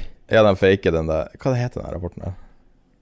Nei, jeg husker ikke hvilken uh, Ja, det er En nei, crop report? Nei, ja, Crop Report, ja. Ja. og så faker de den uh, til eh, de her to gamlingene. Ja, akkurat. Og så eh, shorter dem, tror jeg først, og så i hvert fall eh, så kjøper de tilbake fra bunnen. Mm. Eh, Og det er jo basically akkurat det samme. Ja, der, det er det de gjør. De shorter dette her hele veien ned, men passer på at TASS og, og inni uh, at, at TASS-kjøpsordrene dekker da uh, Dekker da antallet. Så det er uh, det er en morsom sak, men jeg tror, ikke, jeg tror ikke dette er siste gang vi hører om denne saken. Altså. De tror, burde virkelig brande seg sjøl som Trading Places og prøve å ha goodwill, Ja. for det der er Men det, jeg, jeg tror jeg hadde flyttet pengene mine til et eller annet sted. Fordi altså, det er som Sarao. Ikke sant? Det tok, Ja. hvor, hvor mange år tok det før de kom og hentet han? 2010. Ja, da skjedde det, men når Ja. var det de kom og hentet Nå, han? Det var, Ikke nå, det var i år. Nei, nei, det, ja, det var vel i 19 Var det ikke det? 2019 eller et eller annet sånt, hvor de sto på døren. Da står altså klokka 5.30 eller 6 om morgenen De møttes jo altså det var en, For øvrig en veldig bra video Jeg fins på Facebook-gruppen av, av akkurat den, eh, den uh, Sarao, den Flash Trader-saken. Uh, hvor blant annet eh, Liam Vaughan er, er intervjuet, han som skrev, skrev boken. Og det er altså politi, FBI og folk fra Altså FBI flyr over sammen med folk fra det, det amerikanske kredittilsynet for råvarer, som heter CFTC. Uh, og da sammen med folk fra UD og Scotland Yard. De møtes da på en hamburgerrestaurant litt før seks om morgenen. En hamburgersjappe i nærheten. Og, og, og, derfra så drar de og ringer på San Sarao, som da kommer ned i tøf tøfler og T-skjorte. ikke sant? For faren som åpner døren. Men det er, de er rogue trader. Nå er ikke han en klassisk rogue trader, han jobber for altså, seg sjøl, men, men, det er, er tragisk. Sarao var kun en syndebukk. Altså. Jeg leste litt om uh, Bruno Ixil i helga. Ja jeg fikk ikke med meg etterspillet der. Det var jo bare tragisk. Han fikk jo skylda for alt, og det ja. var jo ledelsen som hadde altså, Det var jo sannsynligvis ja, Jamie Diamond personlig som hadde vært involvert i det der, men, skulle, man tro. Bruno Ixil, han forsøkte å slutte posisjonen. Men sa ikke Bruno Ixil at han Altså Han fikk jo beskjed at, at dette var o... Altså at ja, det var OK. Han forsøkte å slukke, lukke posisjonen, ja. og fikk beskjed om at han ikke skulle gjøre det, og de tapte seks milliarder. Ja. Og han ble eh, eh, dratt gjennom media. De gikk jo ut med en ja, ja. gang, eller ganske ja, snart med de, navnet. De kastet han til ulvene tvert. The London Whale. Og jeg driver og jobber Jeg har ganske mange sånne anekdoter nå. Jeg driver og jobber med et prosjekt for podkasten som uh, begynner å nærme seg ferdig nå. Mm. Som er et aldri så lite oppslagsverk over absolutt alt i finans. og det, det, viser seg å være en ganske stor oppgave. Men da eh, gikk jeg litt mer i dybden på Bruno Ixil, bare for å se hva som skjedde i etterspillet. da Og han mista ryktet. Han, de hadde clawback av mesteparten av bonusene hans. Han er jo uansettelig. Altså han, har, han, har jo, han, er jo en av de liksom fire sånn uh, Four Horsemen som er det mm. Rogue Trade. Han starta med han uh, Hva heter han? Um, Bearings Bank. Leeson, ja, mm. selvfølgelig. Og, uh, og, Jerome. Kvek, og Kveku Adeboli. Adeboli ja. Jerome Curvier, ja. Og, og dem, eh, alle, det de har til felles, er jo at de er jo bare offerlam. Det er ja. tragiske greier. Jo, men altså, de mister jo hodet, ikke sant, eh, et eller annet sted inni her. Altså, jeg, jeg, tror jo at Bruno Ixil, han, han virker jo Det er mye backstabbing i banka, altså. Ja, men jeg tror, jeg tror Bruno Ixil er mye mer eh, Altså f.eks. mye mer uskyldig enn Nick Leeson. Og jeg har hørt et intervju med Nick Leeson etterpå også, og, og han Altså, han skjulte jo hva han gjorde. Ja, det er, en, det er ingen det er tvil om. Mens Bru, han, var en, han var en rogue trader, nettopp, faktisk. Han var en ordentlig rogue trader, og det var, det var Jerome Jerome Curry. Men det var jo også, også. sinnssvakt. Kveko Adobori er jeg veldig usikker på. det, det, var det UBS, var det ikke? Jo, og det samme gjelder uh, Altså alle Jeg kjenner mange som har jobba i UBS, og mm. det Altså er, De har ikke et godt ord å si om den bedriften, så jeg tror nok at uh, kulturen der er skylda. Okay, ja, jeg altså, aner, altså jeg aner ikke. Jeg kjenner også folk i, i, i, UBS uten at jeg har liksom hørt det. Men, uh, og jeg har handlet mye med UBS og egentlig aldri hatt Aldri hatt noe problem med det. Er internkulturen altså, ja, jeg skjønner det. beinhard og backstabbing og alt. Så okay. basert på det så vil jeg gjette at han blir han Jeg tror det er tøff kultur i de aller fleste av, eh, av investeringsbankene uansett. Vil du anbefale de her, alle de her Bay BI og Handelshøyskolen som lytter på podkasten, og gå inn den veien? Eh, altså, jeg tror, jeg tror, du får utrolig mye kunnskap, og, øh, og, jeg tror du blir fort voksen, for å si det på den måten. Er det verdt det, da? Det verdt, får du nok penger ut av det? Altså, jeg tror du Kanskje ikke, kanskje ikke initielt der, men du, du, vil være attraktiv for veldig mange. Altså du, det ser du jo Norske meglerhus plukker jo opp uh, hver gang det er en eller annen nordmann som slutter i en, en av de store uh, investeringsbankene i, uh, i London, så, de, så, får de jobb. Får de jobb umiddelbart. Så um, og du får veldig mye Altså, du ser verden på en mye med, med en helt annen linse enn det du gjør fra, fra, fra Norge. Altså. Det gjør du. Mm. Helt opplagt. Så er den Nå er det spørsmål om at London blir ja. blir det. Ja, det, det, er, det, er, en annen sak. Kanskje du må lære deg tysk og jobbe ut, ut fra Frankfurt. Hvem, hva vet jeg. Frankfurt er fantastisk by, da. Men, um, men jeg tror at det, er en interessant erfaring, men jeg tror den er den er annerledes enn en mange forventer seg, og den er, den er tøff. Uh, men jeg tror også at kulturen er, er forskjellig fra, fra, bank til bank, altså fra investeringsbank til investeringsbank. Jeg tror ikke altså om, Og det tror jeg kan være avhengig av du, altså hvilken desk du havner på. Mm. er også, nå, Til å begynne med, Når du går gjennom et trainee-program, så går du jo egentlig fra desk til desk. I, altså Du er så lenge på hver desk rundt omkring når du kommer så langt. Yeah. Uh, men da oppdager du jo at kulturen er svært forskjellig. Og, men den, den er, altså, den, kulturen vil være som de menneskene som, som regjerer på den desken i øyeblikket. Altså Hvis du tar den desken ti år før eller ti år etter, så vil, kulturen høyst sannsynligvis være annerledes. Men det, er, eh, men det ville være en spennende erfaring, da. Jeg kjenner folk som Uten å Nei, jeg, Uten å nevne både for- og etternavn. Nei, men altså, det er så mye Det er så brutale kulturer, og det, altså Nåløy er utrolig syltynt. En jeg kjenner som Det var 18 000 søkere på de stillingene. Og det endte med én suksessrik eh, ansettelse, og det var han. ok, wow. Og så når det liksom Når eh, Men jeg, men, When the tire ja. hit the road, så, Ja. så var de ikke Altså så backa de ikke, så han bytta beite. Ok. da Altså 18 000 folk. wow. Og det er jo helt absurd. Jeg skjønner ja, ikke at det er mulig å komme gjennom det nå. Ja, ja.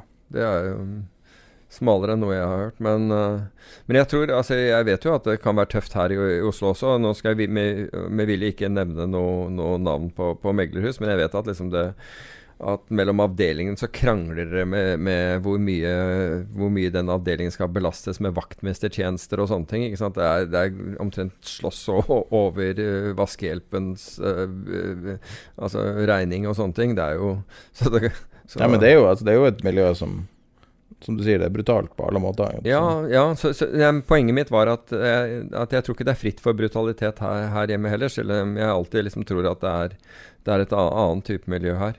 Så, men, men du ser verden med helt andre linser når du, når du er der borte, bl.a. fordi de også Altså, de de gjør trading for, på, altså både for, seg, for huset og for kunder.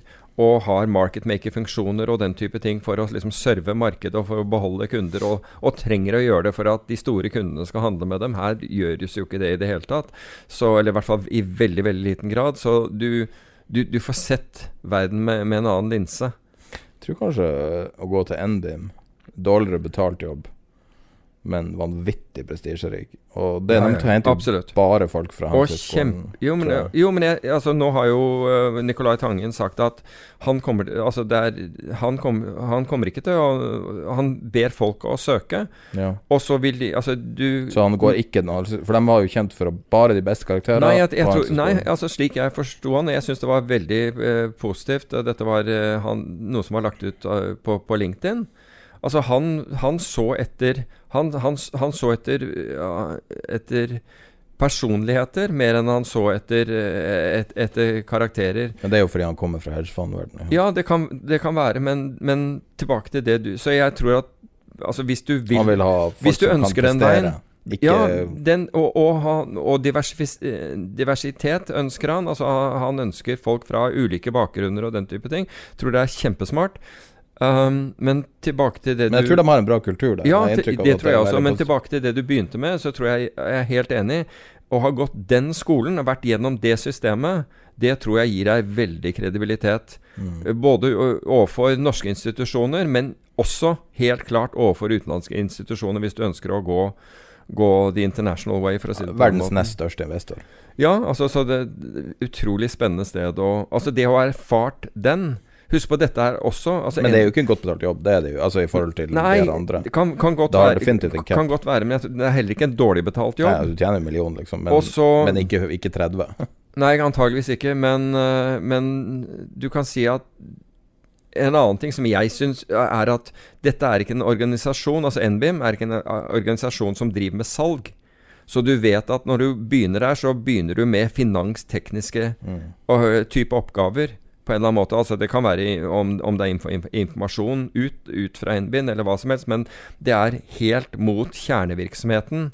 Du blir ikke målt på på, på, på å, å selge strukturerte produkter. For du blir målt på alfa. Ja, ja, du, ja, noen blir målt på det, andre blir jo målt, Altså trener, målt på som- Ja, men de har, de har jo teknologi, de har utrolig mye spennende. Altså NBIM er en ekstremt profesjonell, etter min oppfatning, en Ja. ekstremt profesjonell organisasjon. Ekstremt. Det er så synd at det ikke har forplanta seg i, I i et miljø. At man har fått et uh, litt sånn Silicon Valley-aktig miljø som man helt klart kunne ha fått med en så stor Ja. pengema pengemaskin. Liksom. Ja. Men der går det på det der at, at, uh, at hvis noen gjorde det for bra, så ville det være Altså, jeg sier bare Goldman Sachs har ikke kontor i Oslo. Nei. Det er helt utrolig. De har i Stockholm.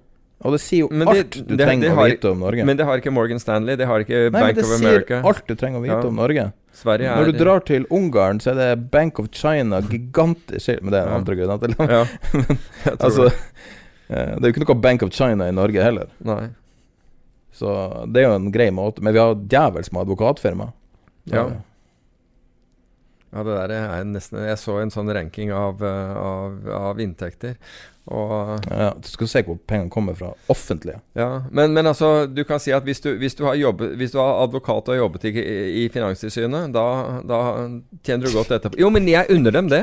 Jeg, jeg, jeg, nei, men jeg, jeg unner Jeg unner virkelig de, eh, de eller den det gjelder, eh, det. Fordi folk er flinke, men det bare forteller deg hva som har skjedd. Altså, reguleringen har gjort det så vanskelig Ja. at du må ha inn uh, folk. Og de blir godt betalt fordi de har, har den bakgrunnen. Men liksom, hvem skulle tro at, uh, at noen som har jobbet i Finanstilsynet, har, har liksom blant topplønningene? Det er, det er interessant. Er, det, jeg, er det godt betalt å jobbe der? nei, i Finanstilsynet? Det tror jeg ikke. Det tror jeg ikke. Men når du har Jeg tror det capper på sånn 1,2 eller noe sånt. men når- sånn mellomleder Men, men det er ikke poenget mitt. Eh, Poenget mitt er at hvis du har det som bakgrunn nå, og begynner i det private, så er det mange som har behov for deg, og behov for dine tjenester. Så det var, det var poenget. Men nå er det jul snart. Ja, det er mulig at vi, at vi slumper til med en bonusepisode eh, i romjula.